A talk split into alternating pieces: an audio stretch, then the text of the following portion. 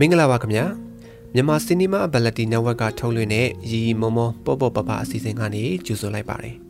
ဒီအစီအစဉ်ကမြန်မာလူမှုနယ်ပယ်မှာမတန်ဆွမ်းမှုအသိပညာတွေမြင့်တင်ပေးနိုင်ဖို့မတန်ဆွမ်းအတိုင်းဝိုင်းကဖြစ်ရဆုံးကဏ္ဍဆောင်ကို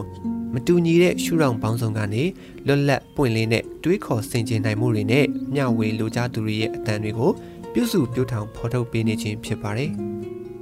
အပတ်စဉ်စနေနေ့ည9:00နာရီတိုင်း ကျွန်တော်တို့ရဲ့ Facebook စာမျက်နှာနဲ့ anchor.fm MCA network တို့ကနေစောင့်မျှော်နားဆင်နိုင်မှာဖြစ်ပြီး Anchor ကနေအခြားသော Apple Podcast, Google Podcast, Spotify, Breaker နဲ့ WordPress တို့အပြင်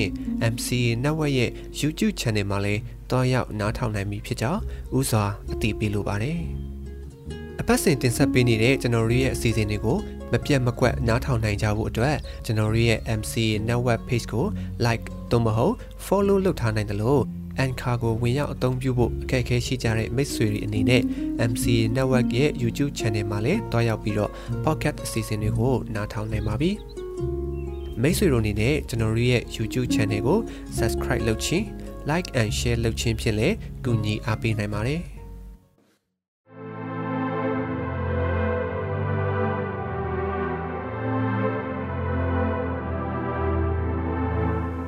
ဒီပတ်မှာတော့ပင်နိုင်တင်ဆက်သူများဖြစ်တဲ့ကျမနှွေးစာကြီးစိုးနဲ့ပြည်ဖြူအောင်တို့ကနေလမ်းမကသချင်းတွေနဲ့ပတ်သက်ပြီး background story လို့ခေါ်တဲ့နောက်ခံဇာတ်လမ်းလေးတွေနဲ့အတူဘ ഹു တုတရပွဲအနှစ်ချုပ်ဆွေးနွေးတင်ပြပေးမှာပဲဖြစ်ပါတယ်။အော်ဒီနေ့မှာတော့အမားနဲ့အတူတူအဲကျွန်တော်ကလည်းဒီလမ်းပေါ်ကသချင်းတွေ episode တွေကအကြောင်းအရာတွေနဲ့ပတ်သက်လို့အနှစ်ချုပ်ဆွေးနွေးပေးသွားမှာဖြစ်ပါတယ်။အရှိမတင်ပေးခဲ့ပြီးဖြစ်တဲ့ဒီအပိုင်း၃ပိုင်းလုံးကို နားထောင်ပြီးသားပရိသတ်တွေဆိုရင်တော့အခုကျွန်တော်တို့ရဲ့ဆွေးနွေးချက်တွေကိုနားလည်နိုင်ကြမှာဖြစ်ပါတယ်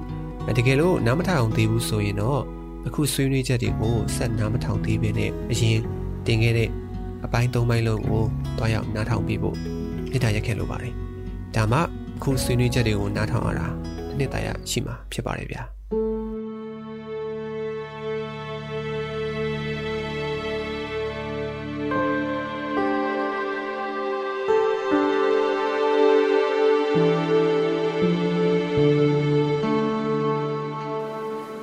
မအဆုံးအနေနဲ့ပြီးခဲ့တဲ့အပိုင်းတစ်ကနေ3အထိတက်တက်ကြွကြွပွင့်ပွင့်လင်းလင်းနဲ့ပါဝင်ဆွေးနွေးပေးခဲ့ကြတဲ့အသိပညာရှင်အတတ်ပညာရှင်အမှုပညာရှင်တွေကြောင့်ဒီအစီအစဉ်လေးဟာပိုအသက်ဝင်လာသလိုပိုပြီးတော့လေနက်နက်ရှိုင်းရှိုင်းပြင်ဆင်တင်ပြပေးဖို့ကျမတို့တင်ဆက်သူတွေအနေနဲ့လည်းခွန်အားရရလာပါတယ်။ကျမအနေနဲ့ကတော့ဒီအပတ်မှာအခန်းကဏ္ဍနှစ်ခုအနေနဲ့တင်ဆက်သွားချင်ပါတယ်။ ပထမတစ်ခုကတော့ဒီလမ်းပေါ်ကသချင်းတွေအနေနဲ့ဒီထက်ပိုပြီးစွမ်းအားရှိတဲ့စကလုံးသုံးနှုံတွေတိခတ်တည်ဆုံမှုတွေနဲ့အသွင်ပြင်တွေဖြစ်အောင်သာဗတ်ပေါင်းစုံကနေဝိုင်းဝန်းမြင့်တင်လိုက်မယ်ဆိုရင်လမ်းပေါ်ကဂီတပညာရှင်တယောက်ဖြစ်အများပြည်သူအမြင်မှာလက်ခံအသိမှတ်ပြုအားပေးလာဖို့တွန်းအားဖြစ်စေမယ့်အကြောင်းအရာတွေကိုဆွေးနွေးပေးသွားမှာဖြစ်ပါတယ်။ ဒုတိယပိုင်းအနေနဲ့ကတော့နိုင်ငံတကာမှာရှိတဲ့လမ်းပေါ်ကသချင်းတယ်လို့ပဲပြောပြောတရုတ်ပြသူလို့ပဲဆိုဆိုပေါ့နော်တချို့ကလည်း street musician street performer busker အစရှိတဲ့အခေါ်အဝေါ်အမျိုးမျိုးတွေနဲ့လောက်ကင်နေကြတဲ့သူတွေရဲ့အနေအထားတွေကိုတစ်ဖက်ကနေလေ့လာပြီးကိုယ့်ရဲ့အသက်မွေးဝမ်းစားမှုပုံစံကိုခင်မိမိနဲ့စနစ်တကျဖြစ်အောင်ဘယ်လိုပြုပြင်ပြောင်းလဲယူကြမလဲ ကိုယ်တင်ဆက်မှုတွေကိုရောဒီထက်ပိုဆွဲဆောင်မှုရှိအောင်ဘယ်လိုမြင့်တင်လို့ရမလဲ musician တယောက်ဖြစ်လာဖို့ကိုယ်မှာဘာတွေထပ်ဖြည့်ဖို့လိုအပ်နေအောင်မလဲဆိုတာတွေကိုလက်တွေ့ကြကြစဉ်းစားတွေးခေါ်ကြည့်ကြဖို့ဘ ഹു တုတအနေနဲ့ဝေမျှပေးမှာပဲဖြစ်ပါတယ်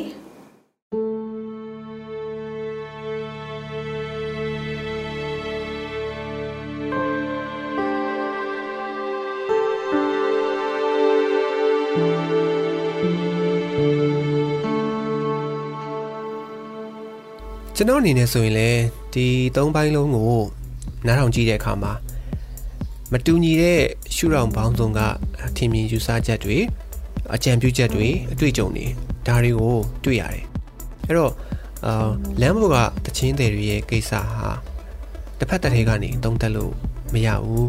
အာပြီးတော့လှုပ်တင်တယ်မလှုပ်တင်ဘူးဆိုတာကိုလည်းဒါတစ်ထစ်ချဆုံးဖြတ်လို့မရနိုင်ဘူးလို့ကျွန်တော်ကတော့မြင်ပါတယ်ဒါကြောင့် ကျွန်တော်အနေနဲ့ကတော့လမ်းပေါ်ကတချင်းတယ်ဖြစ်တဲ့ကာယကံရှင်အမြအယုံမတန်ဆွမ်းသူတွေအတွက်ကိုလည်းထည့်သွင်းစဉ်းစားပြီးတော့မှပြောပြချင်တယ်။အော်အဓိကကတော့ဂုဏ်သိက္ခာရှိရှိနဲ့ဂီတပညာရှင်ပြီးသားစွာရည်တည်နိုင်မှုအတွက်ထဲသွင်းစဉ်းစားမှုလိုတဲ့အချက်တွေကိုဆွေးနွေးပေးချင်ပါတယ်။ပြီးတော့အများပြည်သူတွေကိုလည်းအမြင်အာရုံမတန်ဆွမ်းသူတွေနဲ့ပတ်သက်လို့သိထားတင်တယ်လို့ထင်တာတွေကိုလည်းပြောပြပေးချင်ပါတယ်။ အာတခုပဲကျွန်တော်မြစ်တာရက်ခံလိုတာကအခုကျွန်တော်တို့ဆွေးနွေးချက်တွေဒီလမ်းပေါ်ကတခြင်းတွေနဲ့ပတ်သက်လို့ဒီလိုဖြစ်တဲ့နဲ့ဒီလိုမဖြစ်သင့်ဘူးဆိုတဲ့အဖြေကိုထုတ်ပေးမှာမဟုတ်ပါဘူး။လမ်းပေါ်ကတခြင်းတဲ့အပိုင်း၃ခုစလုံးကဆွေးနွေးချက်တွေအရာကျွန်တော်တို့ကနီးလန်းတွေအာလမ်းကြောင်းတွေကြံပြုချက်တွေဒါတွေကိုပဲဖော်ထုတ်ပေးမှာပါပြီးတော့ဒီအစီအစဉ်ကနေမှတစ်ဆင့်လမ်းပေါ်ကတခြင်းတွေနဲ့ပတ်သက်ပြီး တင်တင်လျောက်ပတ်တဲ့အခြေအနေတွေဖြစ်ပေါ်လာမယ်။ကောင်းမွန်တဲ့အပြောင်းလဲတွေဖြစ်လာမယ်။ရှင်လဲလျှောက်တာပြားလဲဆွဲတာဆိုသလိုဘယ်ရှုထောင့်ကနေကြည့်ကြည့်ပေါ့နော်။လက်ခံနိုင်တဲ့အခြေအနေတွေဖြစ်လာမယ်ဆိုရင်တော့ဒါအတိုင်းချက်အလုံးပေါ့ဗျာ။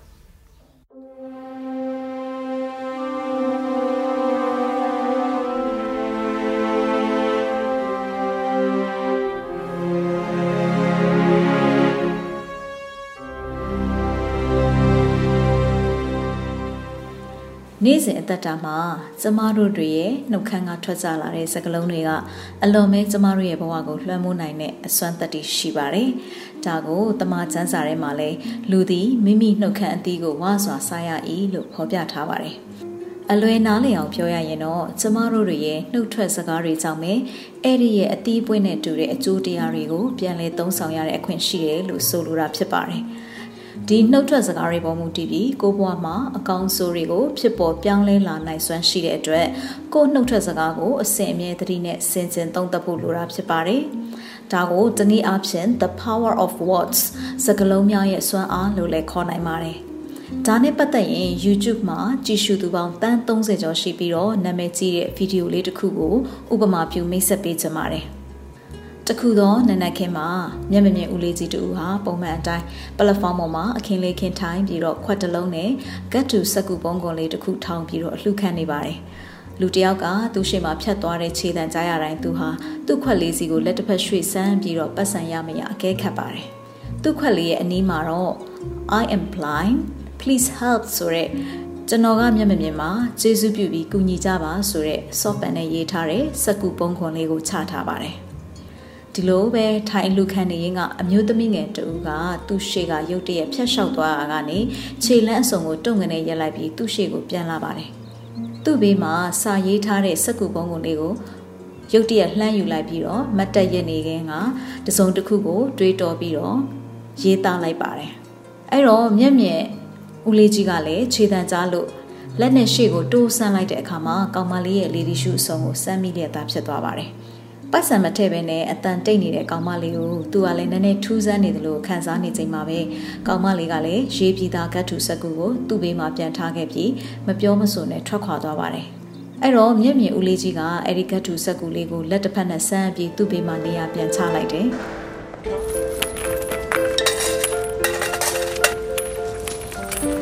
မကြပါဘူးသူ့ရှိကိုလူတွေကပတ်စံအကျွေးစီပြီးအဆက်မပြတ်လာလာချကြတယ် သူကလည်းခွက်ပြီးချော်သွားတဲ့အကျွေးစေးတွေကိုလက်နဲ့ဆန်းကောက်ပြီးတော့ခွက်ထဲထည့်နေရတာခဏခဏပါပဲဒီလိုနဲ့အချိန်တစ်ခုအကြာမှာတော့ခြေတံတစ်ခုကသူ့ရှေ့မှာလာရက်တဲ့အတွက်သူကလည်းလက်နဲ့လှမ်းဆန်းကြည့်လိုက်တဲ့အခါစောစောကဆန်းခဲ့ဘူးလေလေဒီရှူးပိုင်ရှင်အမျိုးသမီးလေးဖြစ်နေပါတယ်ဒီတော့ဦးလေးကြီးကမော့ပြီးတော့အမျိုးသမီးလေးကိုမေးလိုက်ပါတယ်ဘာတွေများရေးလိုက်လဲပေါ့နော်အဲ့တော့အမျိုးသမီးလေးကလည်းစကလုံးလေးတွေပြောင်းလဲရေးပေးလိုက်တဲ့အကြောင်းပြောပြီးပြန်ထွက်သွားပါတယ် အဲ့တော့ဦးလေးကြီးကလည်းအနားကထွက်ခွာသွားတဲ့ကောင်မလေးကိုကြားအောင်ကျေးဇူးတင်ကြောင်းလှမ်းអော်ပြီးတော့ပြောလိုက်ပါတယ်အဲ့ဒီအမျိုးသမီးလေးထွက်သွားတဲ့အခါမှာကြံခဲ့တဲ့စက်ကူကတ်ထူလေးမှာရေးထားတာကိုကင်မရာကနေပြီးတော့မှအနီးကပ်ပြလိုက်ပါတယ် It's a beautiful day and I can see it လို့ရေးထားတာတွေ့ရပါတယ်အတိတ်ပဲကိုပြောရရင်တော့ဒီနေ့ဟာအရန်ကိုတာယာလှပတဲ့နေ့ရက်လေးဖြစ်ပါတယ်။ဒါပေမဲ့ကျွန်တော်ကတော့ဒါကိုမမြင်နိုင်ပါဘူးဗျာလို့ဆိုလိုတာဖြစ်ပါတယ်။ အဲ့ဒီစာကြောင်းမှာစဉ်းစားကြည့်မယ်ဆိုလို့ရှင်ပေါ့နော်အထူးသဖြင့်သူက CAN apostrophe can't ဆိုတဲ့မစွမ်းဆောင်နိုင်တဲ့စကားလုံးလေးကိုပို့ထူပြီးတော့ရေးပြထားတာကိုတွေ့ရပါတယ်အရင်တုန်းကတော့ဓာတ်ရိုက်ဖွင့်ဆိုမှုနဲ့ရေးခဲ့တဲ့ blind ပေါ့နော်မျက်မမြင်ဆိုတဲ့အသုံးနှုန်းတွေ help ဆိုရဲအကူအညီတောင်းခံခြင်းသဘောတွေမပါဘဲနဲ့လူတွေရဲ့နှလုံးသားကိုကင်လှုပ်နိုင်တဲ့စကားလုံးတွေအဖြစ်ပြောင်းလဲထားတာဖြစ်ပြီးတော့ဒီလိုလှပတဲ့လောကကြီးကိုမြင်နေခွင့်ရနေကြတဲ့ဖြတ်သွားဖြတ်လာလူတွေကလည်းဒီဦးလေးကြီးပေါ်မှာစာနာကူညီခြင်းစိတ်တွေတဖွာဖွာဖြစ်ပေါ်လာစေပါတယ်။ကဲဒါဟာစကားလုံးတွေရဲ့အစွမ်းမှာပဲမိတ်ဆွေ။ ဒီတော့မိတ်ဆွေတို့ရဲ့နေ့စဉ်အသက်တာမှာလည်းအရင်လိုတမယိုးကြပြောဆိုနေတဲ့စကားလုံးတွေအစားအသက်တော်အတိတ်နမိတ်ကောင်းပြီးမိတ်ဆွေတို့ရဲ့ပုံကိုယ်ရေးအသွင်ပြောင်းလဲလာနိုင်စေမယ်စကားလုံးတွေရဲ့စွမ်းအားကိုတကယ်ပဲလက်တွေ့အသုံးချကြည့်စေချင်ပါတယ်ဥပမာကျမတို့ပုံမှန်ကြားနေကြမျက်မမြင်များစားဝင်နေရေးအတွက်အလှခံပါတယ်လို့ပြောနေမယ့်အစား အခုလိုမျိုးပို့ပြီးစွမ်းလဲထက်မယ်တစ်ဖက်သားရဲ့နှလုံးသားကိုလည်းရိုက်ခတ်စေနိုင်တဲ့စကလုံးအသစ်တွေနဲ့အစားထိုးပြောင်းလဲသုံးဆွဲကြည့်မယ်ဆိုရင်တိထက်ပုံမကောင်းမွန်တဲ့ရလဒ်တွေအနည်းနဲ့အမြန်ရလာနိုင်တယ်ဆိုတာမိတ်ဆွေတို့ကိုယုံယုံကြည်ကြည်နဲ့ညွှန်းဆိုချင်တာဖြစ်ပါတယ်။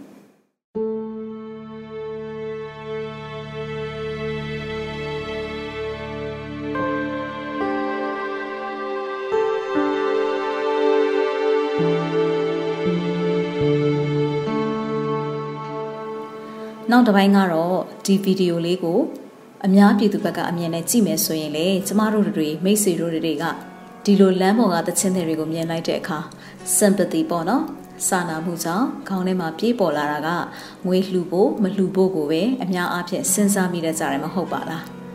တကယ်တော့ဒီထဲကအမျိုးသမီးလေးဆိုရင်သူကငွေလှူသွားတာမဟုတ်ပါဘူး သူကျွမ်းကျင်ပိုင်နိုင်ရအရေးသားတစ်ခုနဲ့အများယုံမတန်ဆွမ်းသူတယောက်ကိုတိထက်ပိုမိုကောင်းမွန်တဲ့အခြေအနေတစ်ခုဖြစ်လာအောင်ငွေကုန်ကြေးကြမရှိဘဲတက်နိုင်တဲ့ဘက်ကနေအကူအညီပေးလိုက်တာပါပဲ။ဒါဟာပထမဦးဆုံးကတော့မေတ္တာကိုအခြေခံတာဖြစ်ပါတယ်။နောက်ပြီးသူတစ်ပါးရဲ့အခက်အခဲနဲ့အခြေအနေတွေကို empathy ပေါ့နော်ကိုယ်တိုင်ပူးဝင်နားလည်ခံစားတယ်သူနေရာကနေစိတ်ထက်တွေးတောပေးလိုက်ပြီး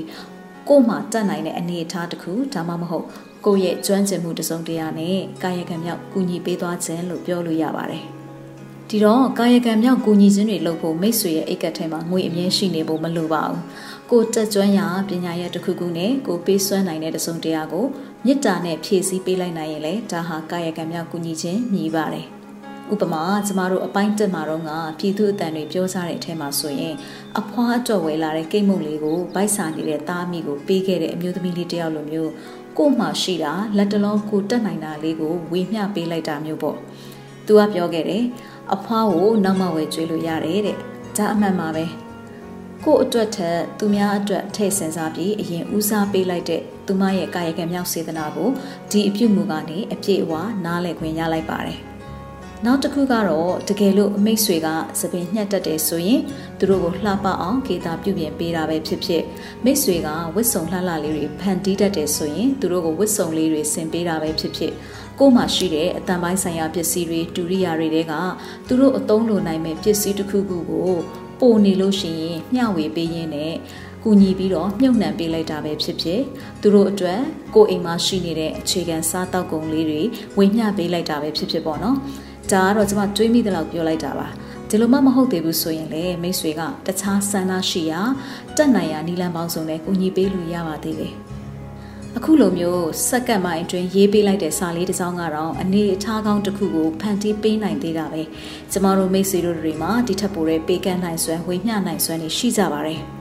sharing is caring ဆိုသလိုကျမတို့ကသူတို့ကိုမေတ္တာပြဖို့ရငွေကြေးတစ်ခုတည်းတင်မဟုတ်ပါဘူးအရာအလုံးကြီးပါကိုသူတို့လိုအပ်နေတာဖြစ်တဲ့အတွက်ဒီအစီအစဉ်ကိုနားထောင်ပြီးသွားတဲ့အခါအများပြည်သူတွေအနေနဲ့လေမိမိတို့ညံပြေးသလောက်တက်နိုင်တဲ့ဘက်ကကူညီပေးနိုင်မယ်အနေအထားတွေအများကြီးပေါ်ပေါက်လာမယ်လို့ယုံကြည်မျှော်လင့်ပါတယ်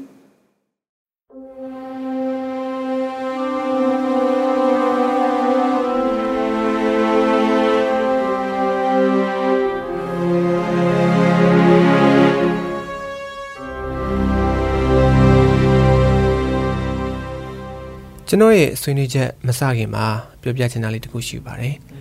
ဒါကတော့ကျွန်တော်တို့လူအတိုင်းဝိုင်းမှာဟိုရှေးအစဉ်ဆက်သေးကပေါ့နော်မတန်ဆွမ်းသူတွေနဲ့ပတ်သက်လို့ဒါလွဲမနေတဲ့အမြင်တွေခံယူချက်တွေနောက်ယူရရင်ချင်းမှုတွေအများကြီးရှိခဲ့ပူပါတယ်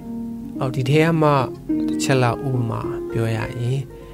မတန်ဆွမ်းသူတွေဟာအမင်္ဂလာဖြစ်တယ်ဆိုတဲ့ယူဆပါအဲ့တော့ဒီနေရာမှာလေဒီယူဆနဲ့လည်းပတ်သက်တဲ့ အမြင်အယုံမတန်ဆွမ်းသူတွေနဲ့လည်းပတ်သက်တဲ့ရုပ်ရှင်ဇလန်တူလေးတစ်ပုဒ်အကြောင်းကိုပြောပြချင်ပါတယ်ပို့ပြီးတော့မှလည်းကျွန်တော်တို့ရဲ့နားဆင်သူတွေထင်သာမြင်သာရှိသွားအောင်ပေါ့နော်ဒီဇလန်လေးကိုကျွန်တော်ပြပြပေးခြင်းဖြစ်ပါတယ်ဗျအဲ့တော့ဒီဇလန်လေးက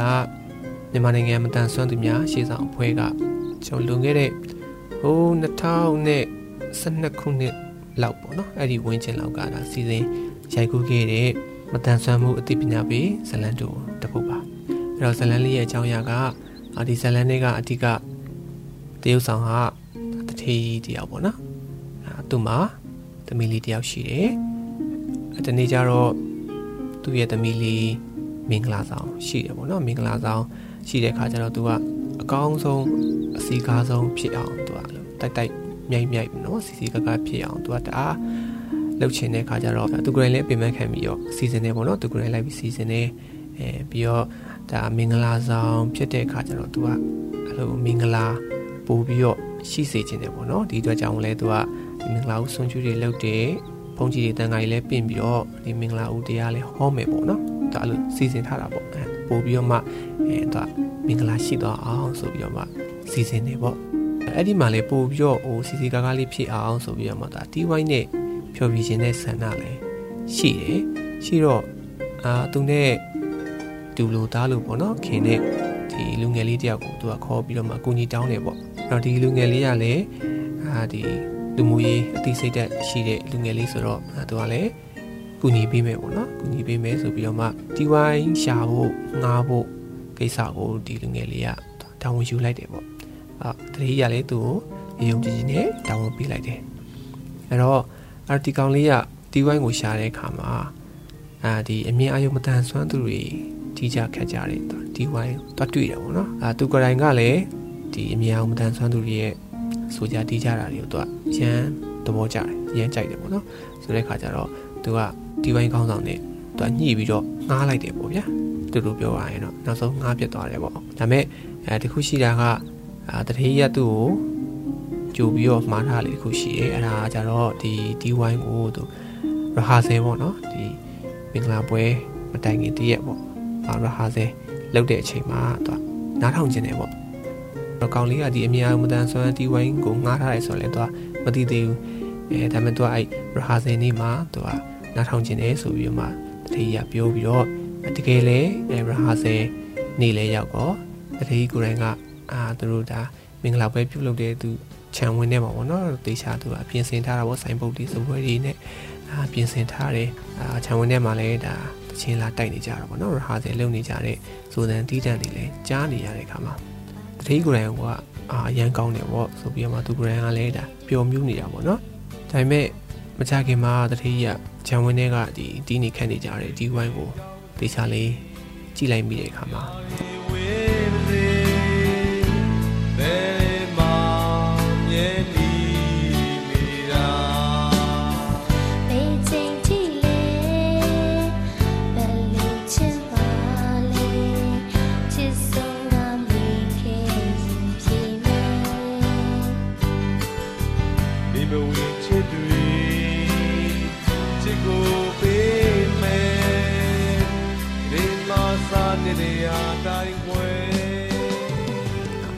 အကုန်လုံးကအမြအယုံမတန်ဆွမ်းသူတွေဖြစ်နေကြတယ်နော်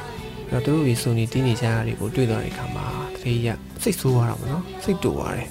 အမျက်နှာပြတ်သွားတယ်ပေါ့မျက်နှာပြတ်သွားပြီးတော့မှအခုကတီဝိုင်းရှာလာပြီးတဲ့ကောင်လေးကိုလည်းပေါ့နော်သူကလာအိမ်ထဲလိုက်ခဲ့အောင်ဆိုပြီးတော့မှခေါ်သွားပြီးတော့မှအိမ်ထဲလဲကြအောင်ကောင်လေးကိုသူကစူတယ်ပေါ့ဗျာမောင်ဖိုးပေါင်ညာမင်းလုံးရက်လိုက်ကွာမင်းကိုယုံကြည်လို့အားကိုလို့ကူညီတောင်းတာပါဟုတ်ဟုတ်လေကျွန်တော်ဘာလုပ်မိလို့လဲ ဟိုတော်ပါတော့ကွာအခုပွဲရလေမင်္ဂလာယူရမယ်ပွဲကြက်တီနဲ့ပြည့်စုံရမယ်ကြက်စီဆောင်ပွဲကွာဒီလူပွဲမျိုးမှာမင်းရဲ့ကြက်တီမရှိတဲ့လူတွေမင်္ဂလာမရှိတဲ့လူတွေတီးရဆိုရပြောကြမယ်ဆိုတော့ငါသမီးမင်္ဂလာပွဲဘယ်လိုလုပ်ကြက်တီရှိလို့မှာဘယ်လိုလုပ်မင်္ဂလာရှိလို့မှာလဲကွာတော်ပြီကွာတော်ပြီမင်းယူလို့စီမောစီမံလိုက်တော့ပစ္စည်းတွေမြန်မြန်သိပြီးတော့ပြတ်မှာတော့လို့အဲအဲ့ဒီအချိန်မှာလည်းမင်္ဂလာဆောင်ကြီးအတွက်ပင့်ဖိတ်ထားတဲ့ဒါတန်ကတစ်ပါးလည်းကြွလာတယ်ကြွလာပြီးတော့မှမင်္ဂလာဦးတရားတွေဟောတယ်ပေါ့ အဲ့တော့ဟိုကောင်လေးကလည်းအာစိတ်ပြက်လက်ပြက်နဲ့ဒီဒီဝိုင်းကောင်းဆောင်ကိုတွားပြောပြီးတော့မှပစ္စည်းတွေတင်ကြတယ်ပြန်မှုလုပ်ကြတယ်ပေါ့အကုန်လုံးစိတ်ပြက်လက်ပြက်ဖြစ်သွားကြတယ်ပေါ့ဗျာအဲ့တော့အိမ်ထဲမှာလည်းဘုန်းကြီးကလည်းဒါတရားဟောနေရပေါ့နော်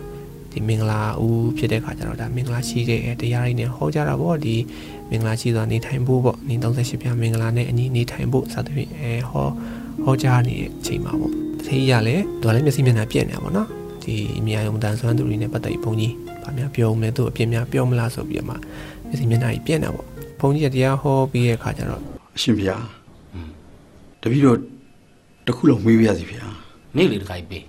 မင်္ဂလာရှိတဲ့လူတွေဆိုတော့တပည့်တော်သိဖြစ်ပါပြီဟိုမင်္ဂလာမရှိတဲ့မင်္ဂလာမဲ့တဲ့သူတွေဆိုတာဘယ်လိုလူမျိုးတွေပါလဲဗျာမင်္ဂလာမဲတဲ့သူဆိုတာမင်္ဂလာရှိအောင် မထေရတိုင်းမကြင့်ကြံတဲ့သူတွေကိုမင်္ဂလာမဲတဲ့သူလို့ခေါ်တာပေါ့တခါကြီးတကယ်တမ်းကျတော့လူဖြစ်လာပြီဆိုရဲမင်္ဂလာရှိပြီသားစုံရိုးစကားတစ်ခုရှိတယ်လေလူပြာအာရဇင်းနဲ့နတ်ပြာအာရဇင်းထိဖို့လွယ်ခြင်းလွယ်မယ်လူဖြစ်ဖို့ဆိုတာမလွယ်ဘူးဒါကြောင့်လဲ30ဘုံမှာလူဘုံကအမျက်ဆုံးအကောင်းဆုံးလို့ပြောကြတာပေါ့ကွယ်ဒီလိုကောင်းမြတ်တဲ့လူဘုံကိုရောက်ရတာနဲ့ လူလိုမကျင့်လူလိုမကြံကိုယ်အတ္တတစ်ခုတည်းကိုရှေ့တန်းတင်ပြီးသူများတကပျက်စီးရပျက်စီးကြောင်းဒုက္ခရောက်ရရောက်ကြောင်းကိုအမြဲတွေးတောကြံစီနေတဲ့သူတွေဟာဘလောက်ပဲစီစဉ်ဥစ္စာနဲ့ပြည့်စုံနေပါစေဘလောက်ပဲရုပ်စင်းယူပကနဲ့ချော်မော်ပြည့်စုံနေပါစေဒီလူတွေဟာမင်္ဂလာမရှိတဲ့လူတွေပဲတခါကြီး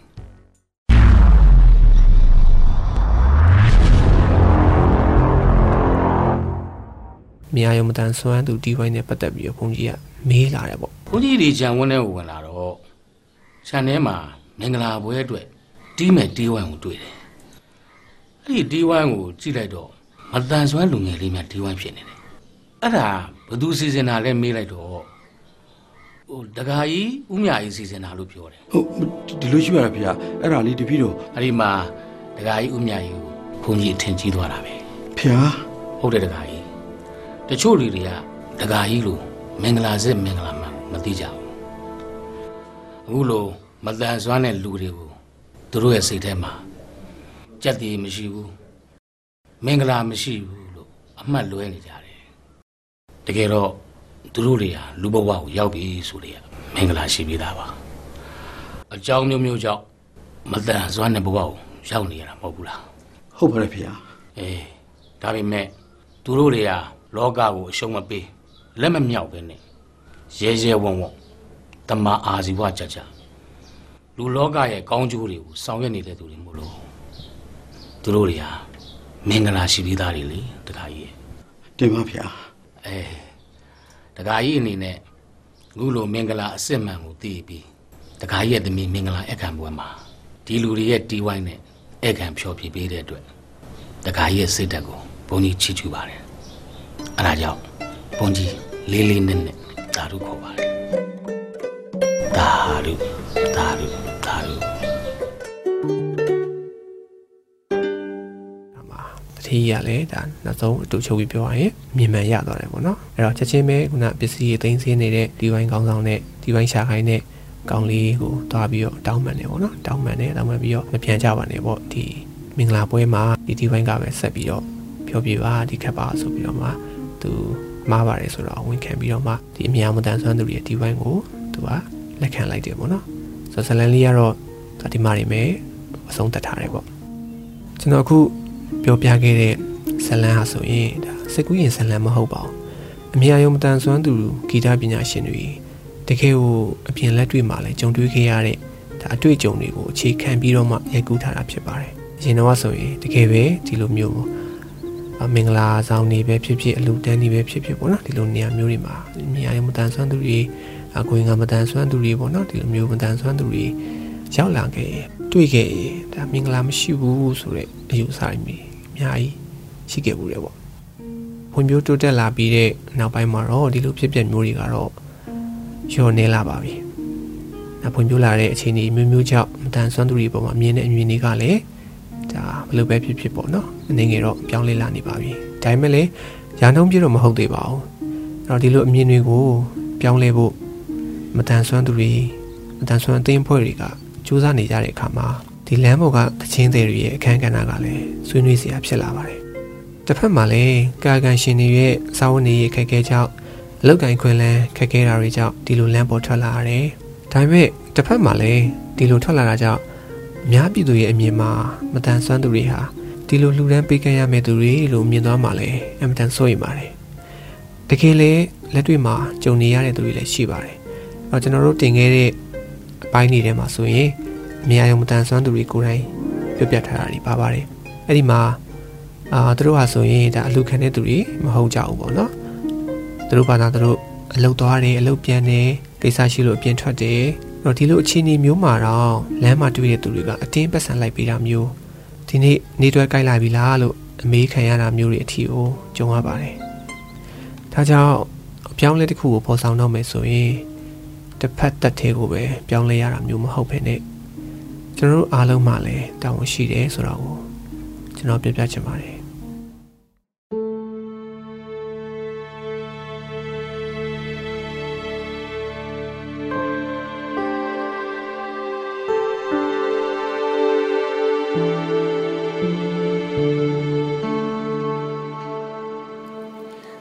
တိယတစ်ချက်ကတော့ the power of music ပေါ့နော်တခြင်းတွေအနေနဲ့ဂီတစွမ်းအားတွေကိုကောင်းကောင်းအသုံးချဖို့လိုပါတယ်ပြောရရင်တော့ဂီတဟာလူရဲ့စိတ်သဘောကိုလွှမ်းမိုးနိုင်တဲ့အစွမ်းသက်တည်ရှိပါတယ် ဂီတခံစားနေသူတယောက်ရဲ့အုံနှောက်မှာ endorphins နဲ့ dopamine လို့ခေါ်တဲ့ဓာတ်နှမျိုးကိုထုတ်လုပ်စေတဲ့အတွက်ဒါကိုကောင်းကောင်းအသုံးချနိုင်မယ်ဆိုရင်ကိုယ့်ရဲ့ပရိသတ်တွေကိုပျော်ရွှင်မှုဝမ်းနည်းမှုတက်ကြွမှုစရတွေသာမကဘဲနဲ့ရုပ်ဆွအစုံဒေါသဖြစ်စေတဲ့အထိလည်းစိတ်ခံစားမှုတွေကိုနှိုးဆွပေးနိုင်စွမ်းပါတယ်ဒါကိုတည်သူများကတော့ကိုပရိသတ်ကိုအံ့ဩစေအားသင့်သွားစေအောင်ကိုတီဆူတိမှုမှုတွေကနေဆွဲဆောင်ကြလိမ့်ရှိပါတယ်။ ဒီတော့မိမိတို့ရဲ့နေ့စဉ်နဲ့အမျှတီးခတ်တည်ဆိုမဲ့အစီအစဉ်တွေအတွက်ဥပမာကိုတည်ဆိုမဲ့သချင်းကိုတီးခတ်မဲ့တေးသွားကိုအသုံးပြုမဲ့ဒူရိယာနဲ့ဒါကိုကောင်းကောင်းအတန်ထုတ်လို့ရအောင်လှုပ်ဆောင်ပေးနိုင်မဲ့စက်ပစ္စည်းတွေကိုလည်းတက်နိုင်တဲ့လောက်ဉာဏ်ရှိရှိရွေးချယ်တတ်ဖို့လိုပါတယ်ဥပမာကိုကမြန်မာတန်ကိုပိုင်ပိုင်နိုင်နိုင်သိဆိုရက်တယ်ဆိုရင်ဒါမှမဟုတ်မြန်မာတူရိယာတမျိုးမျိုးကိုကျွမ်းကျန်းကျင်ကျင်တီးခတ်တတ်တယ်ဆိုရင်မြန်မာတန်စစ်စစ်ကိုပြိသက်ခန်းစားနိုင်အောင်သိဆိုတီးမှုပေးတာမျိုးပေါ့ နိုင်ငံတကာအမြင်မှာတော့ကိုလူမျိုးရဲ့ယဉ်ကျေးမှုနဲ့ရိုးရာဂီတကိုဘယ်အနေထားမှာပဲဖြစ်ဖြစ်ကျွမ်းကျွမ်းကျင်ကျင်တီးဆိုတီးမှုပြနိုင်ခြင်းကိုပိုပြီးအလေးဂရုပြုတဲ့ကြတာတွေ့ရပါတယ်။ဒါကလည်းကိုယ့်ရဲ့ပင်ကိုစွမ်းရည်တစ်မျိုးအဖြစ်ပရိသတ်ကအံ့ဩမှင်သက်ပြီးရက်ကြည့်ရလောက်တဲ့အထိဆွဲဆောင်နိုင်ခြင်းတစ်မျိုးပါပဲ။ ဒီလိုဆွဲဆောင်နိုင်ဖို့အတွက်လည်းပွဲမဝင်ခင်အပြင်ကလေးကအဆိုသမားဆိုရင်လေအတန်ကိုထိမ့်သိမ်းဆောင်ရှောက်ရတာလူကြိုက်များမဲ့ဒါမှမဟုတ်လေခစ်စားပြီးတော့ကိုယ့်အတန်နဲ့လိုက်ဖက်မဲ့သချင်းတွေကိုတေချာကြိုတင်ပြင်ဆင်လေ့ကျင့်ထားတာမျိုးကိုဆိုမဲ့ကီးကအစတေချာစွာမှတ်သားထားတာမျိုးတွေလောက်ရမှာဖြစ်တယ်လို့ကြီးခတ်ဖြော်ပြမဲ့သူကလည်းအမြင်အာရုံမတန်ဆွမ်းဂီတပညာရှင်တွေလို့ braille notes တွေအထိပြင်ဆင်မလေ့လာနိုင်သေးရင်တော့မှမိမိတီးခတ်မဲ့တူရိယာတေးသွား တကယ်လို့တီးရင်ဆိုမဲ့ဆိုရင်လေဆိုပုံဆိုပေါစတာတွေကအစားအသေးစိတ်ကြိုတင်ပြင်ဆင်ထားမှသာအလွှာဆုံးပြိသက်တွေထဲမှာကိုယ့်ရဲ့နုပညာအရေးအသွေးကိုအမှန်တကယ်မြည်စမ်းကြမဲ့ပညာရှင်တွေဝါသနာရှင်တွေကအောချရလောက်တဲ့အထိအစွမ်းပြနိုင်ဖို့လိုပါတယ်လက်တလောနေထားရတော့ကိုကလမ်းပေါ်မှာတီးဆိုတီးခတ်နေရပေမဲ့ကိုယ်စိတ်ထဲမှာတော့ state စင်ပေါ်မှာ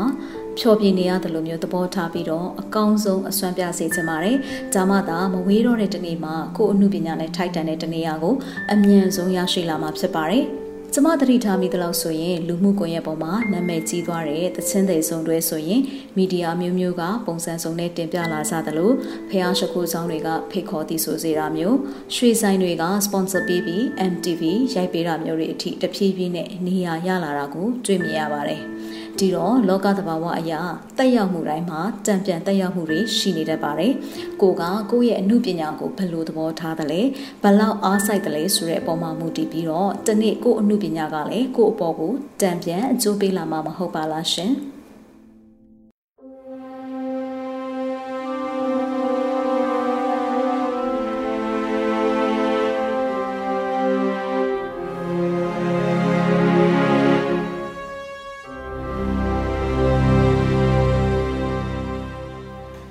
နောက်တစ်ပိုင်းကဒါကိုအများပြည်သူဘက်ကနေကြည့်မယ်ဆိုရင်လေလမ်းပေါ်ကသချင်းတွေအနေနဲ့အဓိကကကိုကအတန်နဲ့အများပြည်သူကိုဆက်သွယ်ရတာကတကြောင်ပတ်ဝန်းကျင်ကိုလွှမ်းမိုးပြီးတော့အတန်ပိုထွက်စေမဲ့စက်ပစ္စည်းတွေကိုအသုံးပြုနေရတာဖြစ်တဲ့အတွက်မိမိတို့ရဲ့ဒီခတ်တန်တီဆိုတန်ကကိုရောက်ရှိနေတဲ့ပတ်ဝန်းကျင်မှာသဟာစာတာဖြစ်ဖြစ်ညင်ညင်ညောင်းညောင်းနဲ့စီးမျောနေဖို့တော့လိုပါတယ် ဒါရင်မကပါဘူးအားပေးသူပရိသတ်နဲ့ကိုနေကအပြန်လှန်ဆက်သွယ်လို့ရတဲ့အနေအထားတစ်ခုရှိနေမယ်ဆိုရင်တော့အကောင်းဆုံးပေါ့ဆိုကြပါစို့ပရိသတ်ကရက်ကြည့်နေရင်ကကိုတည်ဆိုမှုကိုအတူလိုက်ဆိုတာမျိုးကိုတီးခတ်မှုကိုစိတ်ဝင်စားဗီဒီယိုတွေလာရိုက်တာမျိုးဒါမှမဟုတ်တချို့ခလေးလေးတွေဆိုရင်တေဂီတာတန်ကြရင်မနေနိုင်ပဲလိုက်ကကြတာမျိုးတချို့ကလည်းသူတို့စိုးစီစဉ်တဲ့တချင်တောင်းတာမျိုးအဆရှိတဲ့အပြန်အလှန်ထိတွေ့ဆက်ဆံမှုကောင်းတွေကိုလည်းတိဆောက်လို့ရနိုင်ပါတယ် ဒါပေမဲ့ဒါကတော့နေရာဒေသနဲ့စိတ်ခံစားချက်တွေပေါ်မှာလည်းမူတည်မယ်ပေါ့နော်ဆိုလိုတာကတော့အမြဲတမ်းဒီလိုဖြစ်ချင်မှဖြစ်နေမှာပေါ့လေတကယ်လို့များမိမိတို့ရဲ့တီဆိုတိခတ်တန်တွေကစက်ပစ္စည်းချို့ယွင်းမှုတစ်ခုခုကြောင့်ဖြစ်စေပေါ့နော် ပတ်ဝန်းကျင်အတွက်စူညံစီလွန်တာဒါမှမဟုတ်သူတစ်ပါးအာယုံပြည့်စရာဖြစ်စေခြင်းမျိုးတွေတော့မရှိရအောင်တတိပြုဆင်ခြင်သင့်ပါတယ်။အထူးသဖြင့်ဒီနေ့ခေတ်ကာလမှာယောဂဗျာဖြစ်စည်းမှုစိတ်ဖြစ်စည်းမှုတွေများနေတာကြောင့်လူမျိုးမျိုးမှာခံစားချက်အထွေထွေရှိနေတတ်ပြီးတော့ပြောရရင်တော့အချိန်မရွေးလူတစ်ယောက်ရဲ့စိတ်ဟာထိရှလွယ်တဲ့အနေအထားတစ်ခုကိုရုပ်တရက်တွန်းပုတ်လိုက်တယ်လို့မျိုးပြောင်းလဲသွားစေနိုင်ပါတယ်။ဥပမာစာမေးပွဲဖြေဆိုနေရတဲ့ကာလမျိုးတွေမှာ ဒါမှမဟုတ်ဝမ်းနည်းခြင်းအထိတ်မှတ်တစ်ခုခုကိုလှုပ်ဆောင်နေကြရတဲ့အချိန်တွေမှာဆိုရင်တော့မိမိအတန်ကသူတစ်ပါးအတွက်မရည်ရွယ်ပဲအနှောက်အယှက်ဖြစ်သွားစေနိုင်ပါတယ်။ဒီတော့လမ်းအစုံသွားလာလှုပ်ရှားနေကြရတဲ့အတွက်ဆိုကြပါစို့ကိုရောက်လာတဲ့လမ်းပတ်ဝန်းကျင်မှာ နိုင်ရေးရှိတဲ့နေအိမ်တဝိုက်ဆိုရင်ဒီလိုတီဆိုတိမှုမှုကကာယကံရှင်တွေရဲ့စိတ်ခံစားချက်နဲ့တိတ်မအပ်ဆက်တဲ့အတွက်ပေါ့နော်အထူးသဖြင့်ဖြောပြနေသူကလည်းပြောရမယ်ဆိုရင်ဒီလိုအရာမျိုးကိုအလွယ်တကူမသိနိုင်တဲ့အနေအထားမှာဘေးကနောက်ကအဖော်ဖြစ်လိုက်ပါလာသူတွေကအထူးသတိပြုထိန်ကွပ်ပေးသင့်ပါတယ်အများပြည်သူဘက်ကလည်းဒီလိုမျိုးကြုံကြိုက်လာခဲ့ရင်တော့နားလေခွင့်လွှတ်ပေးနေကြတဲ့အတွက်ဒီနေ့ထိတော့လွန်လွန်ကျူးကျူးတုံ့ပြန်တာမျိုးတွေမကြားဘူးသေးပါဘူးဒါပေမဲ့ဒီလိုအဖြစ်အပျက်တွေအကြောင်းအချင်းချင်းပြောဆိုဆွေးနွေးတာတွေကိုတော့ကျမတို့ကြားဘူးပါတယ်။ဒါကြောင့်လည်းအခုလိုနှစ်ဦးနှစ်ဖက်အပြန်အလှန်ထည့်သွင်းစဉ်းစားပေးခြင်းအလေးချင်းကရေရှည်မှာအဆင်ပြေစေမယ့်အနေအထားတစ်ခုကိုဆက်လက်ထိန်းထားနိုင်ဖို့ပဲဖြစ်ပါတယ်။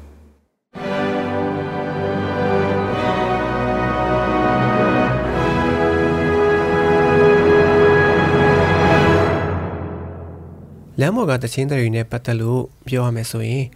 လက်တလောအခြေအနေရခက်ခဲကြလို့လမ်းပေါ်ထွက်လာရတယ်ပဲဖြစ်ဖြစ်ဒီလိုကိုပဲကိုယ့်ရဲ့အတန်မွေးဝမ်းကြောင့်အနေနဲ့ရက်တည်ခြင်းလို့လမ်းပေါ်ထွက်လာတယ်ပဲဖြစ်ဖြစ်ဘယ်လိုပဲဖြစ်ဖြစ်ပါအာတကယ်လုပ်ပြီဆိုရင်တော့ professional ဆန်မှုလိုပါတယ်အဲ့တော့အများကတနာလို့ပေးတယ်ဆိုတာထက်ကိုယ့်ရဲ့ဖြောပြတင်ဆက်မှုကိုသဘောကျလို့ချင်းမြင့်နေဆိုတဲ့အနေအထားကိုသွားဖို့လိုပါတယ်အဲ့ တော့ဒီနေရာမှာ professional ဆန်ဖို့လိုတယ်ဆိုတဲ့နေရာမှာပေါ့နော်နံပါတ်1ကိုယ့်ရဲ့ဂီတအည်အသွေးကိုမြင့်တင်ဖို့လိုပါတယ်အဆိုပိုင်းအတီးပိုင်းဒီနေရာတွေမှာတကယ်ကိုထူးချွန်နေဖို့လိုပါတယ်အဲ့တော့ကိုယ်တော့ပတ်စံတော့ပေးသွားတယ်ဒါပေမဲ့ကိုယ့်ရဲ့ဒါပြောပြီးမှုကိုပေါ့နော်ခဏလေးတောင်နားမထောင်မဲနဲ့အာထွက်သွားကြမှာတဲ့ကိုယ့်ရဲ့ဖြောပြမှုကိုပတ်စံပေးပြီးထိုင်ကြည့်နေရလောက်အောင်အ ထိဖြစ်နေဖို့လိုပါတယ်ဒါနဲ့ပတ်သက်ရင်လည်းလမ်းပေါ်ကတချင်းတဲ့အပိုင်း3မှာအမြင်အာရုံမတန်ဆွမ်းသူဂီတပညာရှင်တယောက်ပြောထားတာဆိုရင်အခုလိုဒီလမ်းပေါ်ကတချင်းတဲ့တွေထဲမှာပေါ့နော်တကယ်ကိုထူးချွန်ကြတဲ့သူတွေလည်းပါတယ်လို့အဲအဆိုပိုင်းအတီးပိုင်းမှာအားနေတဲ့သူတွေလည်းပါနေကြတာကိုတွေ့နေရတယ်ဆိုပြီးတော့မှဆွေးနွေးထားပါတယ်ဒါကြောင့်ကိုယ့်ရဲ့ဂီတအမှုပညာအကြီးသွေးကိုမြင့်တင်ခြင်းအပြင်ကိုယ့်ရဲ့ဖျော်ဖြေတင်ဆက်မှုတွေဟာလည်း အများအမြင်မှာဆွဲဆောင်မှုတစ်ခုဖြစ်စေပါတယ်ပြီးတော့ဒီတခြားသောအမြင်အာရုံမတန်ဆွမ်းဂီတအနုပညာသမားတွေရဲ့ပုံရိပ်ကိုလည်းဒါမထိခိုက်စေဘူးပေါ့ဗျာအဲ့တော့နောက်ဆုံးရက်စကားနဲ့ပြောရရင်ဗျာဒါဟာအာငတ်လို့လှုပ်ရှားတာမဟုတ်ဘူးတက်လို့လှုပ်ရှားတာဆိုပြီးတော့မှကျွန်တော်တို့တွေလက်မထောင်ပြီးတော့နေလို့ရပါတယ်အဲ့တော့ဒါဟာကျွန်တော်ရိုးရှင်းဆုံးပြောပြတာဖြစ်ပါတယ်အဲ့တော့ရိုင်းသွားရင်တော့ခွင့်လွှတ်ပါဗျာ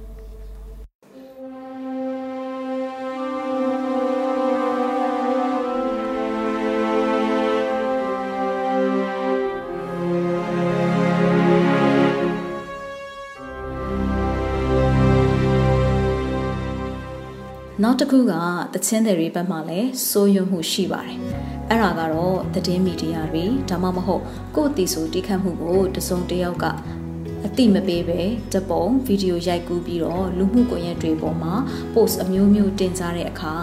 နောက်ဆက်တွဲအနေနဲ့ကြုံတွေ့လာတဲ့အပြုသဘောဆောင်သူတွေရဲ့အားပေးချီးမြှောက်ပြောဆိုတဲ့တွေကိုခံနိုင်ရရှိကြပေမဲ့တန်ဆွမ်းသူအနေနဲ့ပဲဖြစ်ဖြစ်မတန်ဆွမ်းသူတွေအချင်းချင်းပဲဖြစ်ဖြစ်ဒီပေါ်မှာဝေဖန်ခံရတာပြစ်တင်ပြောဆိုခံရတာစိတ်ဆိုခံရတာတွေရှိခဲ့ပူကြတဲ့အတွက်သူတို့ကိုဖြစ်နိုင်မယ်ဆိုရင်ကိုယ်တိုင်ချင်းကပ်ပြီးခွင့်ပြုသဘောတူချက်ရယူဖို့လိုပါလိမ့်မယ်။ မိမိတို့ဘက်ကသူတို့ရဲ့အဆိုကိုသဘောကျလို့ပဲဖြစ်စေတချင်းကိုနှစ်ချိုက်လို့ပဲဖြစ်စေချီကျူးထောမနာပြုတ်ချင်တာပဲဖြစ်စေဒါမှမဟုတ်ပြည်သူအတန်ထဲမှာပြောသွားကြတယ်လို့ပေါ့နော်ကိုတင်လိုက်တဲ့ဗီဒီယိုကိုလူကြည့်များပြီးနာမည်ကြီးစင်လို့ပဲဖြစ်စေပေါ့လေ ကိုယ့်ရဲ့ရည်ရွယ်ချက်တစ်ခုအတွက်သူတို့ရဲ့အယုတ်အတန်ကိုအသုံးပြုခြင်းတဲ့အခါသေချာရှင်းပြပြီးမိမိဘယ်နေရာမှာတင်မယ်၊ဘာအတွက်တင်မယ်၊ဘယ်လိုရည်ရွယ်ပါတယ်ဆိုတာကိုကာယကံရှင်သချင်းတွေကိုအသိပေးပြီးသူ့ဘက်ကလည်းသဘောတူခွင့်ပြုနိုင်တဲ့လောက်ကိုပဲတိတိကျကျအသုံးပြုစေချင်ပါတယ်။ဥပမာအယုတ်မပါပဲအတန်ပဲပေးသုံးမယ်။ဇက်ပုံကိုမျက်နှာဖြတ်ပြီးတင်ပေးရမယ်။ဗီဒီယိုကိုမျက်နှာဖော်ပြပြီးအရိုက်ခံမယ်စသဖြင့်ပေါ့နော်။ ကာယကံရှင်တွေကိုယ်တိုင်စဉ်းစားဆုံးဖြတ်ပြီးမှရယူအသုံးပြုစေချင်ပါတယ်။တခါတည်းမှာမိမိရဲ့ post တစ်ခုကြောင့်အများပြည်သူရဲ့ချီးမြှောက်မှုထက်မလိုလားအပ်တဲ့ online ပေါ်ကပြစ်တင်ဝေဖန်တိုက်ခိုက်မှုတွေကိုခံရကြတဲ့လမ်းပေါ်ကသချင်းတွေခင်ဗျာ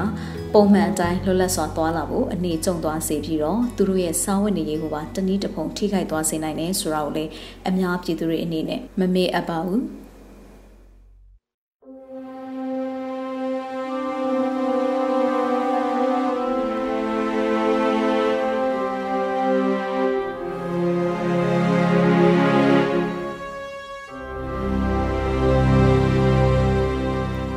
တတိယချက်ကတော့ the power of appearance ပေါ့နော်အသွင်အပြင်စွမ်းအားပါပဲ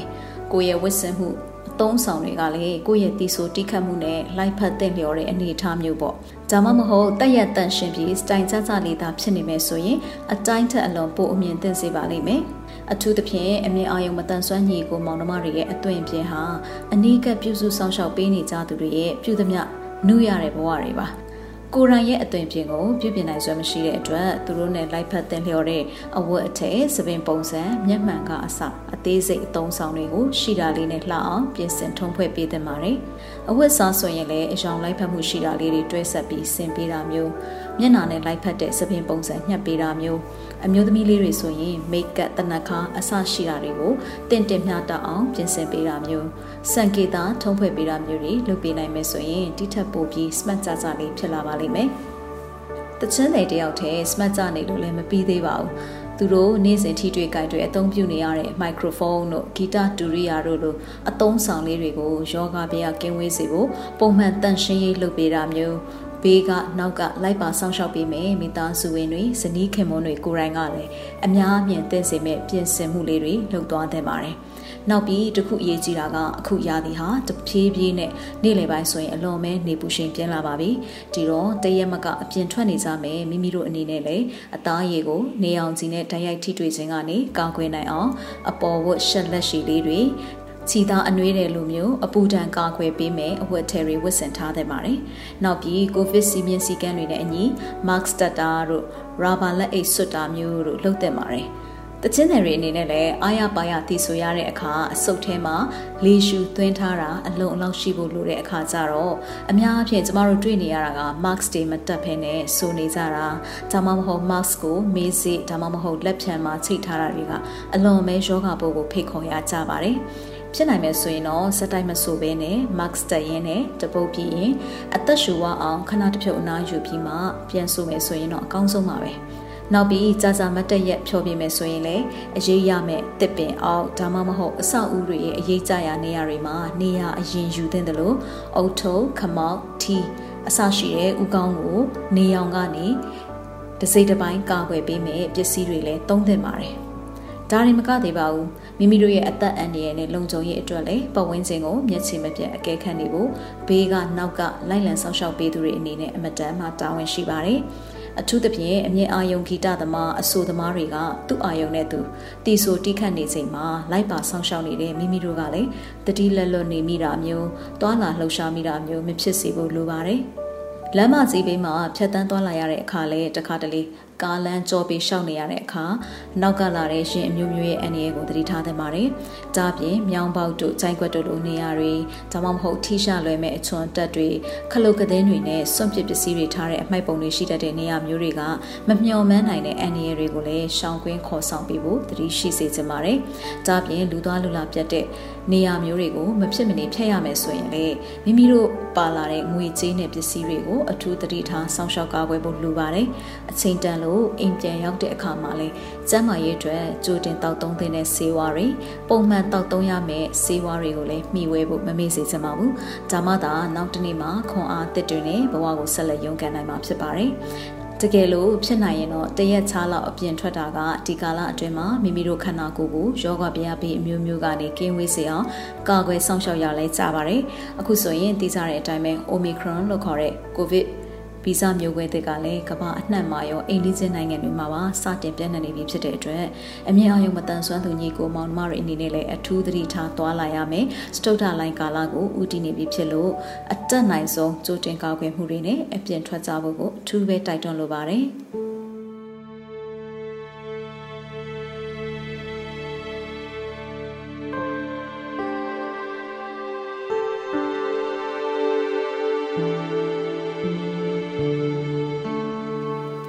တခါအများပြည်သူတွေအမြင်ဘက်ကကြည့်မယ်ဆိုရင်လေတချင်းတွေအနေနဲ့အထူးသဖြင့် public space လိုမျိုးပေါ့နော်အများနဲ့ဆိုင်တဲ့နေရာမျိုးတွေမှာအထူးထွေအန္တရာယ်ဖြစ်စေနိုင်တာမရှိပေမဲ့ရင်အမျိုးမျိုးပေါ်ကိုတွာလာရင်စီးရတာပဲဖြစ်စေဖြော်ပြဖို့တက်သွားတာပဲဖြစ်စေအန္တရာယ်ကင်းဖို့အဖို့ဖြစ်သူများကတေချာစောင့်ရှောက်ပေးဖို့လိုသလိုအနီးမှာရှိတဲ့သူတွေကလည်းကူညီနိုင်တဲ့ဘက်ကကူညီပေးစေချင်ပါတယ် တချို့ဆိုရင်ကျမမြင်ဘူးတလောက်အဖော်တော်မပါဘဲနေနေ့စဉ်သွာလာနေကြမို့လို့အများကပဲနှုတ်ရည်ဆောင်ပါခြင်းနဲ့ဖေးမကြတာကိုတွေ့ရပါတယ်။တကယ်လို့များအထက်မှာကျမပြောပြသွားတဲ့ထဲကအသုံးဆောင်မျိုးတွေသူတို့မှပါမလာသေးဘူးဆိုရင်လေမိတ်ဆွေတို့က marks လေးတစ်ခုပဲဖြစ်ဖြစ် ရာဘာလက်အိတ်လေးတစ်စုံပဲဖြစ်ဖြစ်အုတ်ထုပ်လေးတစ်လုံးပဲဖြစ်ဖြစ်ဒါမှမဟုတ်ဒီရာဒီမှာသူ့အသုံးပြုနိုင်တဲ့အိမ်သုံးဆေးလေးတစ်ကက်တပူးပဲဖြစ်ဖြစ်ပေါ့နော်ကိုတက်နိုင်တဲ့အနေအထားကိုအလင်းတင်ရကနေမေတ္တာပြလိုက်ဖို့လည်းမမေ့စေချင်ပါဘူးဒါပေမဲ့လည်းအပိုင်းနှစ်မှာတော့ငါမတန်ဆွမ်းလူငယ်အဆိုတော်တွေဆွေးနွေးခဲ့တယ်လို့ပေါ့နော်ဒီလိုအသုံးဆောင်လိုအပ်တဲ့အနေအထားရှိတဲ့သူနဲ့မလိုအပ်တဲ့သူတွေကိုတော့အများပြည်သူတွေအနေနဲ့အလွယ်တကူခွဲခြားသိနိုင်ဖို့မခက်လှပါဘူး ဥပမာဆိုပါစို့ဒီတိုင်းတူရိယာမပါပဲတချင်းဆိုခြင်းမရှိပဲဒါမှမဟုတ်တူရိယာပါလာစေအောင်တော့မတီးခတ်ပဲလွယ်ထားတာမျိုးကင်သွားတာမျိုးလုပ်ပြီးအများပြည်သူကြားမှာတာမန်သွားလာနေတဲ့အမြင်အာရုံမတန်ဆွမ်းသူကြားမှာမရွေးတိုင်းကတော့ဒီလိုအကူအညီတွေလိုချင်မှလိုပါလိမ့်မယ်ဥပမာသူတို့ကနေကမျက်မှန်လေးတက်ရင်လည်းတတ်ထားမယ်မတက်ဖဲလဲသွားချင်သွားမယ် ဒါပေမဲ့တယောက်တည်းသွားလာတဲ့အခါတေးကြတာကတော့သူတို့လက်ထဲမှာ white game လို့ခေါ်တဲ့မျက်မြင်မြင်လမ်းလျှောက်တဲ့အဖြူရောင်လေးစစ်ချိုးလေးတွေပါလာပြီဆိုရင်တော့ဒါဟာအမြင်အာရုံမတန်ဆွမ်းသူဖြစ်မှန်သိတာပါတယ်တချို့ကြတော့လေအမြင်အာရုံနည်းနည်းပိုကောင်းတဲ့သူဒါမှမဟုတ်မြင်နိုင်တဲ့အကူတယောက်ယောက်ရဲ့လက်မောင်းကိုကင်ပြီးဘေးကလိုက်တာမျိုးတို့အမြင်အားပိုကောင်းတဲ့တယောက်ယောက်ကရှေ့ကဥဆောင်ပြီးနောက်ကနေတယောက်ပခုံးတယောက်အားပြူရင်အတွဲလိုက်သွားလာတဲ့ကြတာမျိုးလေနေရအတော်များများမှမြင်ဖူးကြမှာပါ ဘလို့နီးလန်းနဲ့ပဲတွေ့တွေ့အမြင်အာရုံမတန်ဆွမ်းသူဖြစ်တိုင်းအမြဲတမ်းအထောက်ပံ့လိုနေတဲ့သူဟုတ်ချင်မှဟုတ်မယ်ဆိုတာကိုလည်းသတိချက်စေချင်ပါတယ်ပြောရရင်တော့သူတို့မှလည်းသူတို့ရဲ့တီးသန့်အသွင်ပြင်လက္ခဏာလေးတွေရှိနေတတ်တာမို့လို့တေချာသတိထားကြည့်ဖို့လိုပါတယ်။ ကိုကဆန္ဒရှိလို့ကူညီခြင်းရင်တော့တစ်ဖက်သားကိုကူတဲ့မကူတဲ့ဝေခွဲဆုံးဖြတ်ဖို့အခက်တွေ့နေရင်လေပွင့်ပွင့်လင်းလင်းပဲကိုပေးလို့တဲ့အကူအညီတစ်ခုခုရှိတဲ့အကြောင်းဒါကိုသူအမှန်တကယ်လိုအပ်မလိုအပ်ဒါမှမဟုတ်လက်ခံပေးနိုင်မပေးနိုင်ကာယကံရှင်ရဲ့သဘောထားဆန္ဒကိုအရင်ဆုံးအလေးပေးမြင်မြင်ရပါလိမ့်မယ်ဂျာမသာတစ်ဖက်သားကလည်းလိုအပ်တယ်မလိုအပ်ဘူးဆိုတာကိုပွင့်ပွင့်လင်းလင်းတုံ့ပြန်နိုင်မှာဖြစ်ပြီးတကယ်လိုအပ်သူတွေနဲ့တိုက်တိုက်ဆိုင်ဆိုင်ရှာဖွေတွေ့ရှိသွားတဲ့အခါ ပေးသူနဲ့ယူသူနှစ်ဦးနှစ်ဖက်အတွက်ပိုအကျိုးရှိစေမှာဖြစ်ပါတယ်။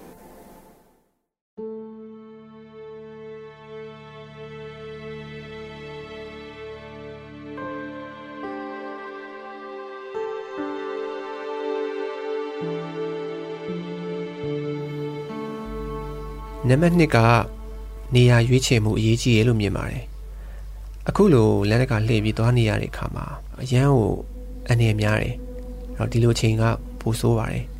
အဲ့တော့ယောဂကူးဆက်မှလည်းစိုးရင်ရတယ်လို့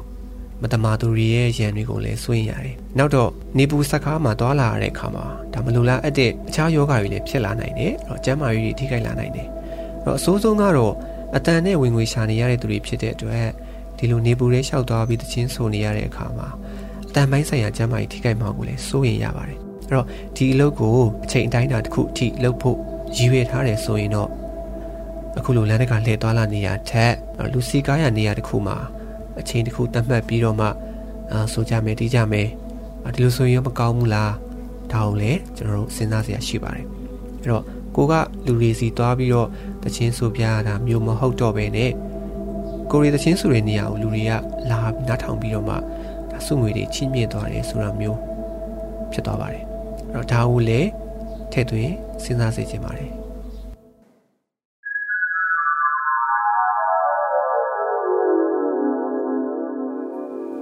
19ရာစုအတွင်းကလန်ဒန်မြို့ရဲ့လမ်းမတွေပေါ်မှာထင်ရှားကျော်ကြားခဲ့တဲ့လူမဲအမျိုးသားကိုအင်္ဂါမတန်ဆွမ်းသူဘတ်စကတယောက်ဖြစ်တဲ့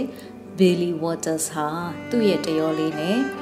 Adelphi Theater ပြဆက်ရုံတဝိုင်းမှာသွာလာနေတဲ့ပွဲကြည့်သူတွေကိုပဲနိတဝက်နှုံးနဲ့ဖျော်ဖြေရင်းလူတွေကသူ့ကိုစတင်သတိထားမိလာပါတယ်။အရင်တုန်းကသူကအမေရိကမှာကြုံဖြစ်ခဲ့ပြီးတော့ဗြိတိရှစစ်သားတဦးဖြစ်သူ့ကိုကြုံပြုရောင်းဝယ်ခဲ့တာဖြစ်ပါတယ်။ သူရဲ့တိတာထင်ရှားတဲ့တွင်ပြင်ကတော့အာဖရိကမျိုးရိုးဖြစ်တာရဲ့ရေတဝတ်စုံဝတ်ထားပြီးတော့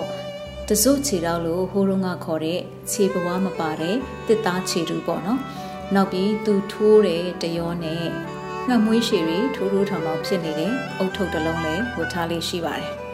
သူကရေရက်သမောသားတယောက်ဖြစ်တာဝန်ထမ်းဆောင်ရင်းနဲ့မတော်တဆမှုတစ်ခုကြောင့်ခြေတစ်ဖက်ဆွန့်လွတ်ခဲ့ရပြီးတော့မိန်းမနဲ့ကလေးနှစ်ယောက်ကိုရှာဖွေကျွေးဝင်းနေသူလည်းဖြစ်ပါတယ်။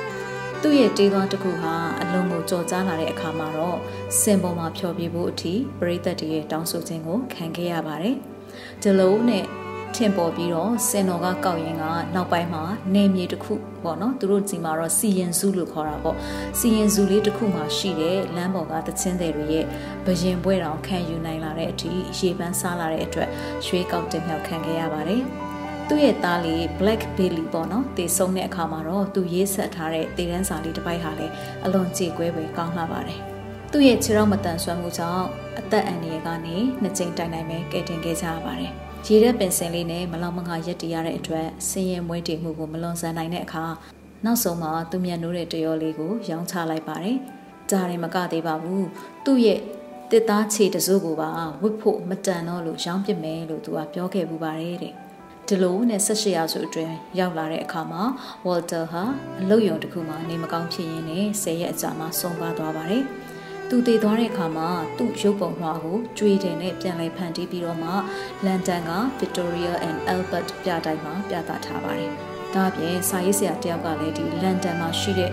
ဝစ်စုံတွေရဲ့အကြောင်းရေးသားထားတဲ့စာအုပ်မှာလည်းပဲဒီ Billy ကိုခဲချစ်ပကြီးကတစ်ချက်အနေနဲ့ရေးဆွဲပြီးတော့မှတ်တမ်းတင်ထားပါသေးတယ်။ ခတ်တာက Billy Walter ရဲ့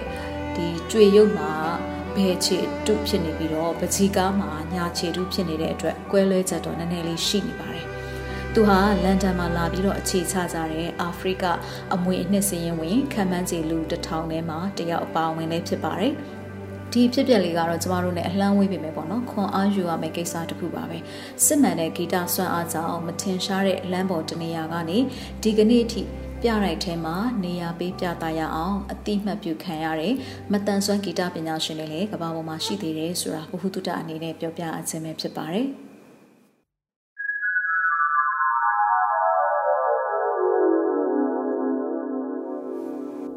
နံပါတ်3ချက်အနေနဲ့ကတော့တင်ဆက်မှုပုံစံတွေပြောင်းလဲဖို့လိုပါတယ်ဒါကတော့အခုလိုအာတချင်းဆိုပြတယ်အလူငွေလာထည့်သွားတယ် ကိုကလည်းလက်ခံလိုက်တယ်ပြီးရင်ပြီးသွားပြီအလှူရဲ့လူကလည်းထွက်သွားပြီကိုကလည်းကိုလန်ကိုဆက်သွားပြီပေါ့နော်ဒီလိုမဟုတ်ဘဲနဲ့ကိုယ့်ရဲ့တင်ဆက်မှုကဒီအများပြည်သူရဲ့အမြင်မှာအလှခံနေပါတယ်ဆိုတဲ့အမြင်မမြင်စေဘဲနဲ့ရက်ွက်တဲ့ဖြောပြီးဖွဲ့ရောက်လာတယ်အာဆိုတာတီးတာတွေအရန်ကောင်းတယ်တွားကြည့်ကြမယ်ဆိုတာမျိုးဖြစ်စေချင်တယ်အဲ့တော့အဲ့လိုလာကြည့်ရင်လည်းမှလည်းသဘောကျလို့ဒါပတ်စံပေးသွားတာမျိုးကြီးလည်းရှိမယ်ပေါ့နော်ဒါဆိုရင်ကို့အတွက်များ ပို့ပြီးအော်ကွန်ပျူတာစေဦးလားလို့လေးကျွန်တော်တို့စဉ်းစားကြည့်အောင်ပေါ့နော်ပြီးတော့အခုလိုလာကြည့်ကြတဲ့ဒီအများပြည်သူတွေအတွက်ကိုလည်းကျွန်တော်အနေနဲ့တခုပြန်ပြီးတော့တုံ့ပြန်တဲ့အစီအစဉ်မျိုးလေးတွေလုပ်နိုင်လေတမျိုးကောင်းမယ်လို့ထင်တယ်အာဥပမာကျွန်တော်ဒီမတန်ဆွမ်းသူတွေကိုယ်တိုင်လှုပ်ထားတဲ့လက်မှုပစ္စည်းတစ်ခုခုပြန်ပြီးတော့မှလက်ဆောင်ပေးတာမျိုးပေါ့နော်ဒါမှမဟုတ်လာကြည့်ကြတဲ့ဒီပရိသတ်တွေကမှအဲဘဏ္ဍဦးကိုတော့ကန်ဆယ်မဲဖောက်ပေးမယ်ဆိုတာမျိုးပေါ့နော်အဲ့ တော့ဒီလိုတင်ဆက်မှုတွေနဲ့ဆိုရင်ကိုဟာလမ်းတကာလှည့်သွားနေတဲ့ဒီ level ကနေပြီးတော့မှနောက်ထပ်လေကားတစ်တစ်ခုပေါ့နော် level တစ်ခုကနေရက်တည်နေနိုင်တယ်ဆိုတော့အမြင်မျိုးတွေနဲ့လည်းဒါပြောင်းလဲပြီးတော့မြင်လာနိုင်ပါတယ်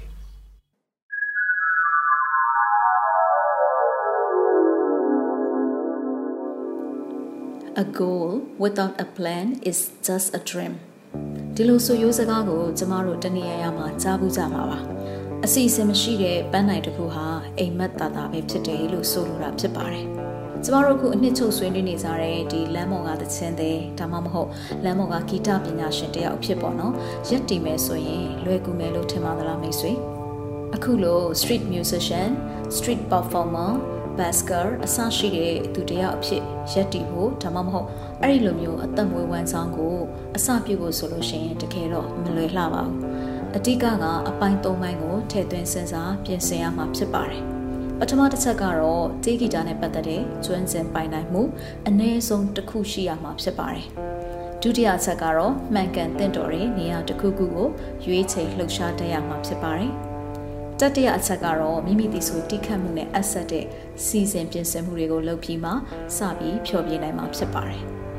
အရှိပိုင်းမှာကျမဆွေးနွေးခဲ့တဲ့အထက်မှာလည်းအတော်လေးဒီအချက်တွေကိုလွှမ်းမိုးနိုင်တဲ့အကြောင်းအရာတွေပါနေပြီဖြစ်တဲ့အတွက်ကျမကနောက်ထပ်အနှစ်ချုပ်အနေနဲ့ဖြည့်ဆွက်ပြောပြလိုတာကတော့တီဆိုတိခတ်မှုကိုကျွမ်းကျင်အောင်လေ့ကျင့်အချိန်ယူပါ။အရွယ်ဆုံးအကြိုက်တွေ့စေမယ်။ဒါမှမဟုတ်ခစ်စားတဲ့ဂီတသချင်းတွေကိုကိုလိုအပ်မယ်ထင်တာထက်ပို့ပို့တတ်တာလေးလေ့ကျင့်ပြင်ဆင်ထားပါပရိသတ်အကြိုက်ကိုလည်းအလေးပေးပါ ပရိသတ်ကညီးငွေ့ညူစုသွားစေမယ်အပြုမူမျိုးတွေကိုအထူးသတိပြုပါပရိသတ်များများရစေမယ်နေရာမျိုးကိုရွေးချယ်ပါကို့အတွက်အန္တရာယ်မျိုးစုံဖြစ်နိုင်မဲ့အရာတွေကိုအကင်းပါပါနဲ့ရှောင်တတ်ပါစေတကယ်လို့များခွင့်ပြုချက်တောင်းခံရမယ့်နေရာမျိုးဆိုရင်လေခွင့်ပြုချက်ရအောင်စူးစမ်းချိတ်ဆက်ကြည့်ပါကိုနဲ့အဆက်မဲ့လုပ်ငန်းရှင်တွေကိုချင်းကပ်ညှိနှိုင်းဖို့ဝန်မလေးပါနဲ့တကယ်လို့သူတို့ကလိုက်ရောပေးနိုင်ရင် ကျေးဇူးတင်ကြောင်းတေချာပြောပါမလိုက်ရောပေးနိုင်ခဲ့ရင်လည်းကျေးဇူးတင်ကြောင်းပြောဖို့မနေခဲ့ပါနဲ့သူတို့ဟာတစ်ချိန်ချိန်မှာကိုယ့်အပေါ်ကိုစိတ်ပြောင်းသွားနိုင်တဲ့မိတ်ဆွေတယောက်ဖြစ်အလားအလာရှိနိုင်လို့ပဲဖြစ်ပါတယ်တီဆိုတိခတ်ဖြောပြသူမိမိတို့နဲ့ရက်ကြည့်နေသူတွေအကြမှာအနည်းဆုံး6ပေအကွာရှိပါစေ။တခြားသူတွေရဲ့စီးပွားရေးနေရာမှာမထင်မှတ်ဖဲမိမိကအပေါင်းဝစကြံလန်း ရှောက်လန်းအဆရှိတဲ့နေရာတွေကိုပိတ်မိနေလျက်သားမဖြစ်ဖို့လိုပါတယ်။ကိုတူရီယာပစ္စည်းတွေအတွက်လိုအပ်တဲ့လျှက်စစ်တပ်ကိုဘက်ထရီဒါမှမဟုတ်ဆိုလာပြားတွေရဲ့အကူအညီနဲ့ကိုယ်တိုင်ဖြည့်ရှင်းဖို့လိုပါတယ်။မိမိတို့ရလာတဲ့ငွေကြေးပစ္စည်းတွေကိုလုံခြုံဝင်ဆန့်တဲ့တင်ဆက်မှုရှိဖို့လိုအပ်တဲ့အသုံးဆောင်တွေကိုပြင်ဆင်ထားသင့်ပါတယ်။အင်တာဗျူးမေးမြန်းလာတဲ့သူတွေရှိတဲ့အခါဝေးဝိုက်လွှဲရှောင်ဖြေတာထက်ဆိုင် အရှိကိုအရှိတိုင်းရိုးသားစွာ ထုတ်ဖော်ပြောဆိုပေးပါမီဒီယာကတစင်ကို့အကြောင်းကိုသိလာကြမဲ့ပရိသတ်တွေထဲမှာလည်းနောက်တစ်ချိန်မှာကို့အတွက်မိတ်ဆွေကောင်းလက်တွဲပေါ်ကောင်းဖြစ်နိုင်သူတွေရှိနေနိုင်တဲ့အတွက်ဘယ်သူကိုမဆိုလေးလေးစားစားတုံ့ပြန်ဖြေဆိုပေးစေချင်ပါတယ်မိမိကိုယ်တိုင်ကဂီတနဲ့အတူစံပါပါစီမျောလှုပ်ရှားတဲ့အခါခန္ဓာကိုယ်ရဲ့ရင်းရိုင်လှုပ်ရမ်းခုံပေါက်ကခုန်ခြင်းစိတ်တွေဖြစ်လာခဲ့ရင်လည်းမချုပ်တီးထားပါနဲ့ ဒီအတွက်ပဝန်းကျင်ကငါ့ကိုဘယ်လိုထင်ကြပြောကြမလဲလို့လည်းမတွေးဝေးပါနဲ့ပရိသတ်ရဲ့အမြင်မှာဒီအတိုင်းတောင်းတောင်းကြီးစက်ရုပ်ကြီးလိုရက်ပြီးတော့စိုးနေတာထက်ဆိုင်ရင်တော့ဒီလိုစီးမျောနေပုံကအများကြီးကြည့်လို့ကောင်းပါသေးတယ်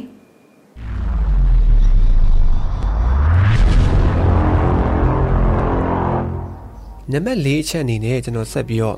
ပြောချင်တာကကြတော့ကျွန်တော်တို့လမ်းတစ်ဖောက်ဖို့လိုတယ် ပြီးတော့ဒီ comfort zone တွေကနေပြီးတော့မှကျွန်တော်တို့ရုံထွက်ဖို့လည်းလိုလာတယ်အဲ့တော့ကျွန်တော်တို့လူသားတွေမှာကြုံတွေ့ရတဲ့အခြေအနေလေးတစ်ခုရှိရပါတော့အဲ့ဒါဘာလဲဆိုတော့ဒီ comfort zone လို့ခေါ်တဲ့အဲအလွယ်လိုက်တယ်ပေါ့နော်အလွယ်လိုက်တယ်ပြီးတော့တတ်တောင့်တတ်တာဖြစ်နေတယ်ဆိုတော့ဒီနေပေတွေကနေတော်တော်များများရုံမထွက်နိုင်ကြဘူးဗျအဲ့တော့ကျွန်တော်ကိုယ်တိုင်လည်းဒီလိုပဲကြုံဘူးပါတယ်အဲ့တော့တခါတလေကိုယ်အနေနဲ့ပေါ့နော် တတောင့်တတာဖြစ်နေတဲ့အခြေအနေမျိုးအလုပ်မျိုးတွေပို့ပြီးတော့သဘောကျမိတယ်ပေါ့နော်ဒီထက်ပို့ပြီးတော့မှလည်းဖောက်မထွက်ခြင်းဘူး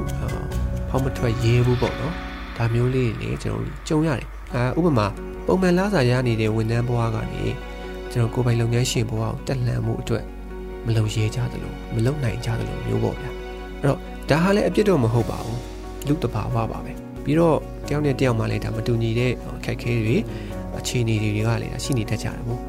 ဒါကြောင့်ကျွန်တော်တို့ကဒီလိုမျိုးနဲ့ပဲเนาะနေသားကြနေတဲ့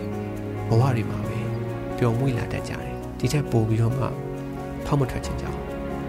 အဲ့တော့ကျွန်တော်အနေနဲ့ကတော့ဒီလိုမျိုးမလုပ်စေချင်ပါဘူးအဲ့တော့ကိုဘဝကိုဒီနေရာမှာပဲရက်တက်မထားဘဲနဲ့ဒီတက်ပိုကောင်းတဲ့ဘဝဒီတက်ပိုကောင်းတဲ့အခြေအနေတွေဖြစ်လာဖို့ ကိုယ်တိုင်ကယုံထွက်ဖို့လိုလာပါတယ်လက်တလုံးတော့ခက်ခဲကောင်းခက်ခဲပါလိမ့်မယ်ဒီရှိအတွက်ကိုတော့စဉ်းစားစေချင်ပါတယ်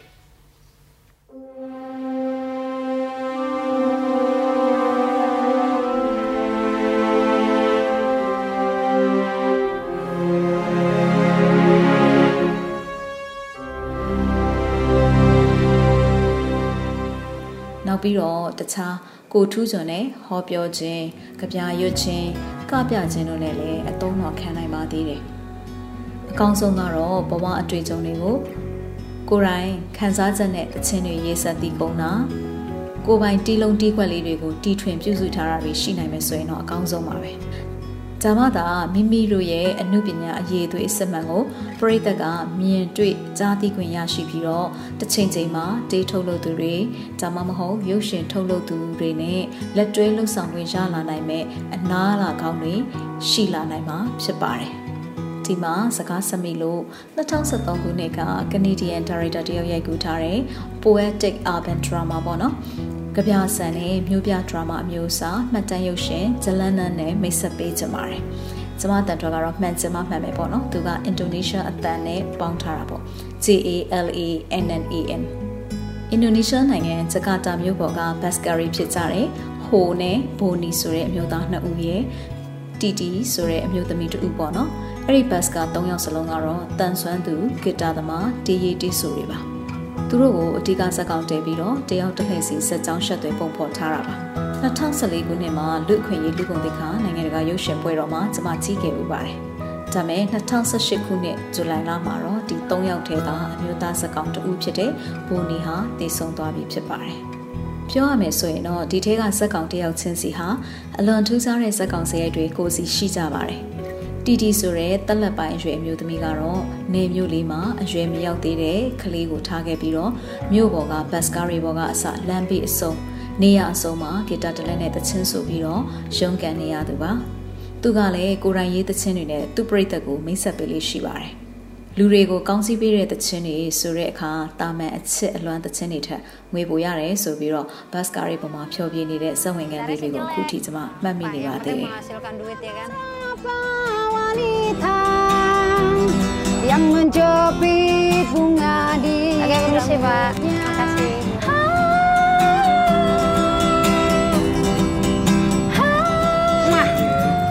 Ikhlas dari Anda halal buat kami. Assalamualaikum warahmatullahi wabarakatuh. ကျန်တဲ့အမျိုးသားဆက်ကောင်နှစ်ယောက်အဆိုရင်လေတယောက်နဲ့တယောက်ဘဝကိုတန်မိုးထားဖို့ဖြစ်တည်ပုံချင်းလည်းမတူကြပါဘူး မတည်သေးပဲကြံခဲ့တဲ့ဟိုဆိုတဲ့တယောက်ကတော့ပြောရလို့ရှိရင်အတော်ဂေါ်တဲ့လူပေါ့နော်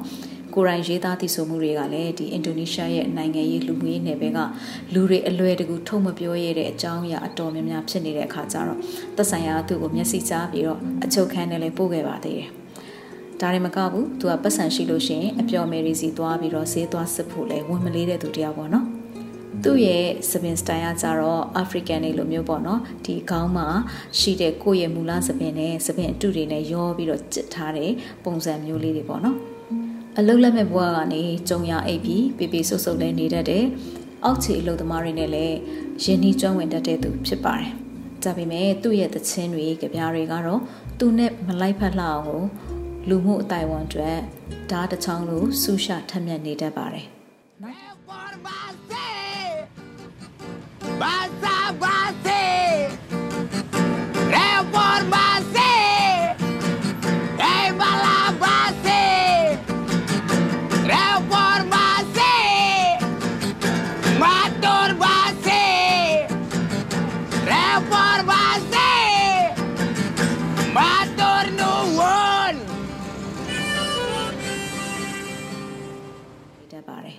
နောက်ထပ်ဇက်ကောင်တယောက်ကတော့တေဆုံးသွားပြီဖြစ်တဲ့ဘိုးနီဆိုသူပါ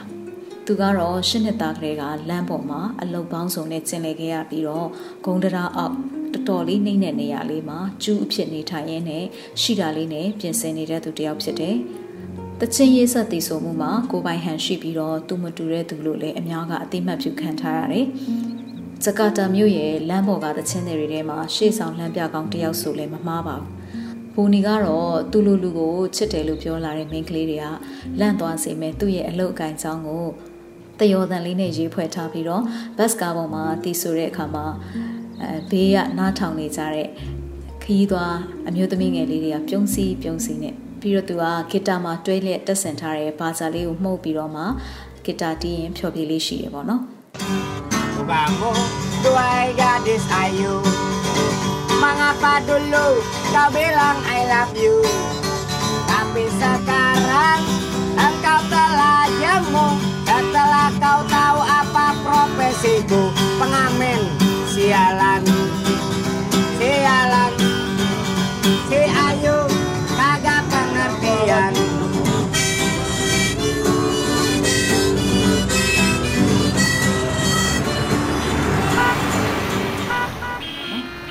သူတို့၃ယောက်ရဲ့ဂီတတန်တွေဘဝအမောတွေ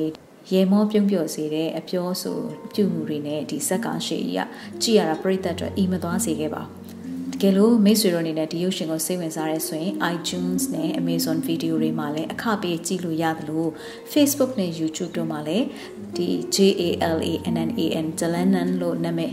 ရိုက်ထည့်ပြီးတော့ရှာဖွေလေ့လာနိုင်ပါတယ်။ YouTube မှာတော့စက်ဝင်ကန်တချို့ကိုမြည်ဆန်းနိုင်မဲ့ teaser လေးတွေရဲ့ဇက်ကားရဲ့အောင်မြင်မှုကိုနိုင်ငံတကာသတင်းဌာနတွေရဲ့တင်ဆက်ထားတာတွေကိုပါရှာဖွေခန်းစားနိုင်ပါလိမ့်မယ်။အခုဆိုရင်ဒီရုပ်ရှင်သက်တမ်းဟာ9နှစ်ရှိပြီနိုင်ငံတကာရုပ်ရှင်ပွဲတော်မှာလည်းစုပေါင်းမြောက်များစွာစုခုနိုင်ခဲ့တယ်။သူတို့ဟာလည်းအင်ဒိုနီးရှားနဲ့မကဘူးနိုင်ငံအတော်များများမှာအတော်လေးကိုလူသိများလာပြီးတော့ပြည်သက်ရဲ့သဘောကျနှစ်သက်အားပေးမှုတွေကိုတခဲနဲ့ရခဲ့ပါတယ်။ ဒီရုပ်ရှင်ကားကို channel တွေကိုရောင်းချတဲ့အတွက်ဝင်ငွေတွေရလာတယ်လို့ရုပ်ရှင်ပွဲတော်တွေကရရှိတဲ့စုတစိတ်တွေစုချင်းငွေတွေလည်းရှိပါတယ်။ဒီရုပ်ရှင်ကထုတ်လုပ်ပြီးနောက်နှစ်နှစ်အကြာ2015ခုနှစ်နိုဝင်ဘာလမှာတော့ Basker ဇက်ကောင်၃ယောက်စလုံးကိုကိုပိုင်အိမ်လေးတွေရဲ့တော့တွေချီးမြှင့်နိုင်ခဲ့တဲ့အထိသူတို့ဘဝတွေကိုဒီရုပ်ရှင်ပညာရဲ့အစွမ်းနဲ့တဆစ်ချိုးပြောင်းလဲသွားစေခဲ့ပါတယ်။တီတီနဲ့ဟိုနှစ်ယောက်ကတော့အင်ဒိုနီးရှားသမ္မတပေါ့နော်။ ဂျိုကိုဝီဒူဒိုကိုသူတို့လူမှုထောက်ခံမှုရအောင်ဂီတဖျော်ဖြေပွဲတွေမှာပူးပေါင်းပါဝင်ဖျော်ဖြေပေးခဲ့တယ်။အဲ့ဒါပြီးလို့နောက်တစ်နှစ်အကြာမှာတော့သမရအိမ်တော်မှာတက်ခင်းတဲ့စားပွဲမှာလည်းအထူးဧည့်သည်တော်အနေနဲ့သူတို့နှစ်ယောက်ကတက်ရောက်ပြီးတော့သမရရဲ့အတိမတ်ပြုမှုကိုပါရရှိပြီးတော့ပွဲလည်တင်ခဲ့ပါတယ်။ဒါကိုမှတ်တမ်းရုပ်ရှင်ဖန်တီးသူတယောက်အနေနဲ့သုံးသပ်ပြရရင်လမ်းပေါ်ကသချင်းတွေမှာလည်းကျမတို့မိတ်ဆွေတို့မသိနိုင်သေးတဲ့အကြောင်းတွေအများကြီးရှိနေနိုင်ပါတယ်။ တကယ်လို့များကျမတို့မြန်မာနိုင်ငံကအလွတ်တန်းရုပ်ရှင်ဖန်တီးသူတွေအနေနဲ့လေအခုဆွေးနွေးနေတဲ့လမ်းပေါ်ကသချင်းတွေအကြောင်းကိုသတိထားမိပြီးတော့ထူးခြားတဲ့ဇက်ကောင်စရိုက်ရှိသူတွေကိုရှာဖွေဖော်ထုတ်ရိုက်ကူးမယ်ပြီးရင်တော့နိုင်ငံတကာရုပ်ရှင်ပြပွဲတွေမှာတင်ဆက်ပြသနိုင်တဲ့အထိစူးစမ်းခွင့်လည်းရမယ်ဆိုရင်နောက်နှစ်အနေငယ်အတွင်းမှာမိမိတို့ရဲ့အခုလက်ရှိအခြေအနေကနေရုပ်ရှင်ရဲ့အစွမ်းနဲ့ဘဝတစ်စစ်ချိုးပြောင်းလဲနိုင်မယ့်အလားအလာကောင်းတွေလည်းရလာနိုင်ပါသေးတယ်။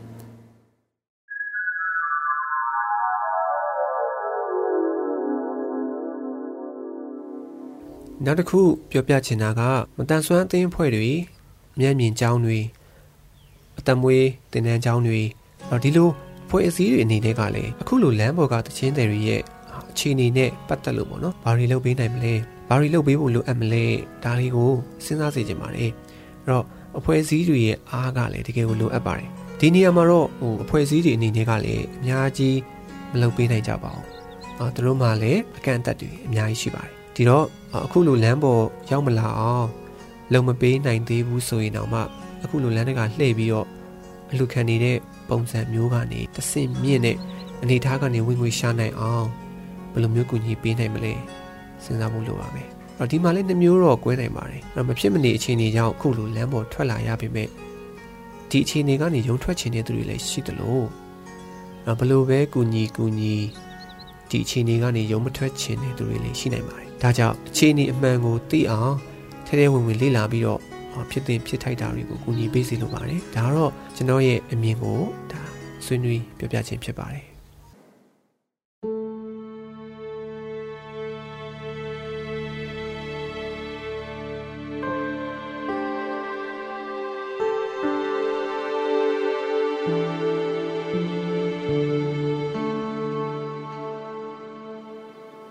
အခုဆိုရင်အတော်များများကအင်တာနက်ပေါ်ကနေဆက်သွယ်နေရတဲ့ကာလမျိုးမှာ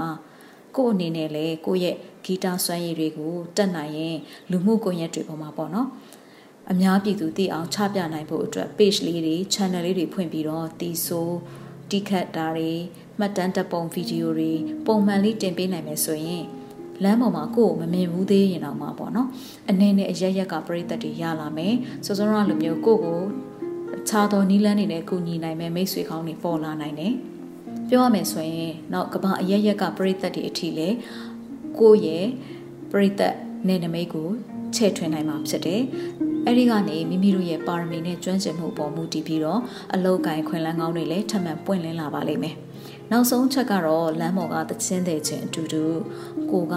သူများနဲ့မတူဘဲနဲ့ဘလို့ထူးခြားနေလဲဆိုတာကိုမိမိကိုယ်တိုင်လည်းရအောင်ရှာဖွေဖော်ထုတ်စေချင်ပါတယ်။ မထူးခြားသေးဘူးဆိုရင်လည်းကိစ္စမရှိပါဘူး။ကိုယ့်ရဲ့ဘယ်အခန်းကဏ္ဍတွေကိုပြုပြင်ပြောင်းလဲလိုက်တဲ့တလဲဆိုတာစဉ်းစားဖို့လိုပါတယ်။ဒါမှမဟုတ်ဘယ်လိုမျိုးအများနဲ့မတူဘဲနဲ့ကိုယ်ပိုင်စတိုင်တစ်ခုနဲ့တိဆောက်ပြီးတော့ဂီတပညာရှင်တယောက်ဖြစ်ရက်တည်ရမလဲဆိုတာကိုရေရှည်အတွက်လေးလေးနက်နက်စဉ်းစားစေချင်ပါတယ်ဒီလိုတွေးတောသုံးသက်ခြင်းကတနည်းအားဖြင့် ကျမတို့ဒီလိုမျိုးလမ်းပေါ်ကသချင်းတဲ့ဘဝကနေနောက်တစ်ဆင့်ဂီတပညာရှင်အဆင့်ကိုတက်လှမ်းနိုင်ဖို့အတွက်ကိုတူးကိုချွန်ဖန်တီးမှုတွေအစပြုလာစေမှာဖြစ်ပါတယ်အဲ့တော့လမ်းပေါ်ကဂီတပညာရှင်တွေများလာပြီဆိုရင်ကျွမ်းကျင်မှုမတူတဲ့သူတွေဒါမှမဟုတ်လမ်းကြောင်းမတူတဲ့သူတွေပူးပေါင်းလာနိုင်မယ်ဆိုရင်တချင်းတွေအနေနဲ့ကနေတေးဂီတဝိုင်းတွေအနေနဲ့လည်းတဆင်ပြီးတဆင်ပေါ်ပေါက်လာတော့မှာဖြစ်ပါတယ်။ဒါရင်မကသေးပါဘူးဒီအကြောင်းကိစ္စနဲ့ ပတ်သက်ပြီးတော့မှတိုက်ရိုက်တော်၎င်းတွေ့ဝဲပြီးတော့တော်၎င်းသက်ဆိုင်နေကြတယ်အစိုးရမဟုတ်တဲ့အသင်းဖွဲ့တွေအနေနဲ့လည်းမိမိတို့ထောက်ပံ့ပေးနိုင်တဲ့ဗတ်ပေါင်းစုံကနေတချင်းတွေအတွက်ထည့်သွင်းစဉ်းစားဆောင်ရွက်ပေးစေချင်ပါတယ်။ဥပမာတောင်ကိုရီးယားနိုင်ငံမှာဆိုရင်အမြင့်အာရုံမတန်ဆွမ်းသူဂီတသမားတွေအတွက်ရိုးရာဂီတနဲ့နိုင်ငံတကာဂီတတီဆိုလေ့ကျင့်မှုတွေလုပ်နိုင်ဖို့အတွက် Braille နဲ့ထုတ်ထားတဲ့ဒီဂီတ notes တွေပေါ့နော် Braille notes လို့ခေါ်တာပေါ့ဒီ Braille notes တွေကို အခမဲ့ထောက်ပံ့ပေးတဲ့အဖွဲ့အစည်းတွေရှိတယ်ဒီကန်နဝင်နဲ့ခေပေါ်ဂီတနှစ်မျိုးစလုံးနဲ့ပတ်သက်တဲ့အလုံးယုံဆွေးနွေးပွဲတွေစခန်းသွင်းလေ့ကျင့်မှုတွေဂီတဆွမ်းရည်ဖိတ်ခေါ်ပြိုင်ပွဲတွေအွန်လိုင်းဖျော်ဖြေပွဲတွေအစရှိတယ်မိမိတို့လုပ်ပေးနိုင်တဲ့အနေအထားတစ်ခုခုကနေကူညီပြီးတော့လည်းလှုပ်ဆောင်ပေးလို့ရပါတယ်။ တကယ်တော့မြန်မာပြည်ကမတန်ဆွမ်းလောကမှာကများသောအားဖြင့်ကဖွံ့ဖြိုးရေးဘက်ကိုဦးစားပေးနေရတဲ့အခါအမှုပညာပိုင်းနဲ့ပတ်သက်တဲ့ခန္ဓာတွေအတွက်ကကြတော့ပုံမှန်ပေါ့နော်ထည့်သွင်းစဉ်းစားမှုတွေကတဖြည်းဖြည်းမှိမ့်မှိန်သွားတတ်တဲ့အတွက်ကြောင့်မို့လို့ရေရှည်မှာမတန်ဆွမ်းအမှုပညာရှင်အစုံရှင်သန်လှုပ်ရှားနိုင်မယ် platform ကောင်းကောင်းတစ်ခုတော့ဖော်ဆောင်ပေးနိုင်ဖို့အထိတွေးနိုင်ရင်တွေးနိုင်သလားကျမတို့ဒီအဖွဲ့အစည်းတွေကရော တီးပုဂ္ဂလာတွေအနေနဲ့ရောအမှုပညာရှင်အသိပညာရှင်အတတ်ပညာရှင်အနေနဲ့ရောလုပ်ပေးနိုင်တဲ့နယ်ပယ်ပေါင်းတွေအတွင်းကကိုယ်နိုင်ငံရဲ့ယဉ်ကျေးမှုနဲ့အမှုပညာကဏ္ဍတွေမှာမတန်ဆွမ်းသူအမှုပညာရှင်တွေလည်းပွဲလေတင့်တက်ပါဝင်ခွင့်ရလာအောင်တတတအားထည့်သွင်းဖော်ဆောင်ပေးကြဖို့လည်းအထူးပဲမြတ်တာရက်ခံလိုပါတယ်။ ဒါတွေမကပါဘူးလက်တလောကာလမှာမတန်ဆွမ်းတိုင်ဝမ်နဲ့မနီးစပ်ပေမဲ့လည်းမတန်ဆွမ်းရေးကိုစိတ်ပါဝင်စားတဲ့မိတ်ဆွေတွေအနေနဲ့ဆိုရင်တော့မိမိတို့ရဲ့စီးပွားရေးလူမှုရေးပညာရေးနဲ့အသီးသီးတက်ကြွရာပညာရေးခန္ဓာမျိုးစုံကနေအဆင်ပြေတင့်တော်မယ်ဆိုရင်တက်အားတွေထဲသွင်းစဉ်းစားလှုပ်ဆောင်ပေးစေချင်ပါတယ်။ ဒါမှသာလျှင်မတန်ဆွမ်းအရေးကိုနိုင်ငံတကာအမြင်နဲ့ရှုမြင်လှုပ်ဆောင်ပေးနိုင်တဲ့လုပ်ငန်းရှင်ကောင်းတွေပညာရှင်ကောင်းတွေအမှုပညာသမားတွေလည်းတိထက်ပို့ပြီးတော့များများပေါ်ထွက်လာမယ်လို့ယုံကြည်မျှော်လင့်တဲ့အတွက်ဒီကနေ့လမ်းပေါ်ကတချင်းတဲ့ဆိုတဲ့ခေါင်းစဉ်နဲ့အနှစ်ချုပ်ဆွေးနွေးတင်ဆက်မှုကိုဒီမှာရမယ်ရန်နာပြစေရှင်။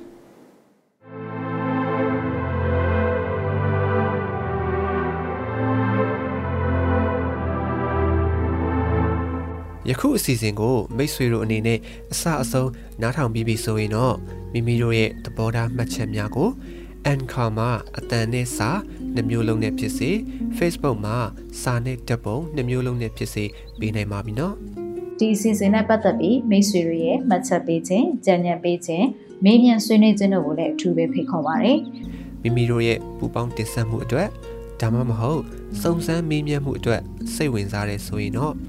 myanmarcinemaability@gmail.com ဒါမှမဟုတ်တင်ဆက်သူများရဲ့ Viber နံပါတ်များဖြစ်တဲ့ကိုပြည့်39 26 125 6493နဲ့မနွေ39 453939 6ခွန်35တို့ကိုဆက်သွယ်ဆောင်ရွက်နိုင်ပါတယ်။ မိတ်ဆွေတို့အနေနဲ့ဒီအစီအစဉ်ကိုမတိသေးသူများသိဖို့လိုအပ်နေသူများမတန်ဆွမ်းရေးကိုမိမိတို့ရဲ့လုပ်ငန်းခွင်အသီးသီးမှာထည့်သွင်းဆောင်ရွက်ဖို့စိတ်ပါဝင်စားသူညီသူကိုမဆိုထပ်ဆင့်ဝေမျှပေးနိုင်ပါတယ်။မြန်မာပြည်သူပြည်သားများအားလုံးမတန်ဆွမ်းမှုအသိပညာတွေတိုးပွားကခွဲခြားဆက်ဆံမှုကင်းပြီးအားလုံးအကျုံးဝင်တဲ့လူမှုအတိုင်းအဝန်တစ်ခုကိုအမြန်ဆုံးဖော်ဆောင်နိုင်ပါစေလို့ဆန္ဒပြုရင်းဒီကနေ့အစီအစဉ်ကိုဒီမှာရင်ရန်နာပါရစေ။ တော်တာရှင်အားလုံးနေ့ရက်အသက်တိုင်းမှာကောင်းကြီးမင်္ဂလာပေါင်းများစွာရယူပိုင်ဆိုင်နိုင်ပါစေလို့လည်းကျွန်မကဆုတောင်းမေတ္တာပို့သအပ်ပါတယ်။နောက်ပတ်စနေနေ့ည9:00နာရီမှာပြန်ဆောင်ကြရအောင်နော်။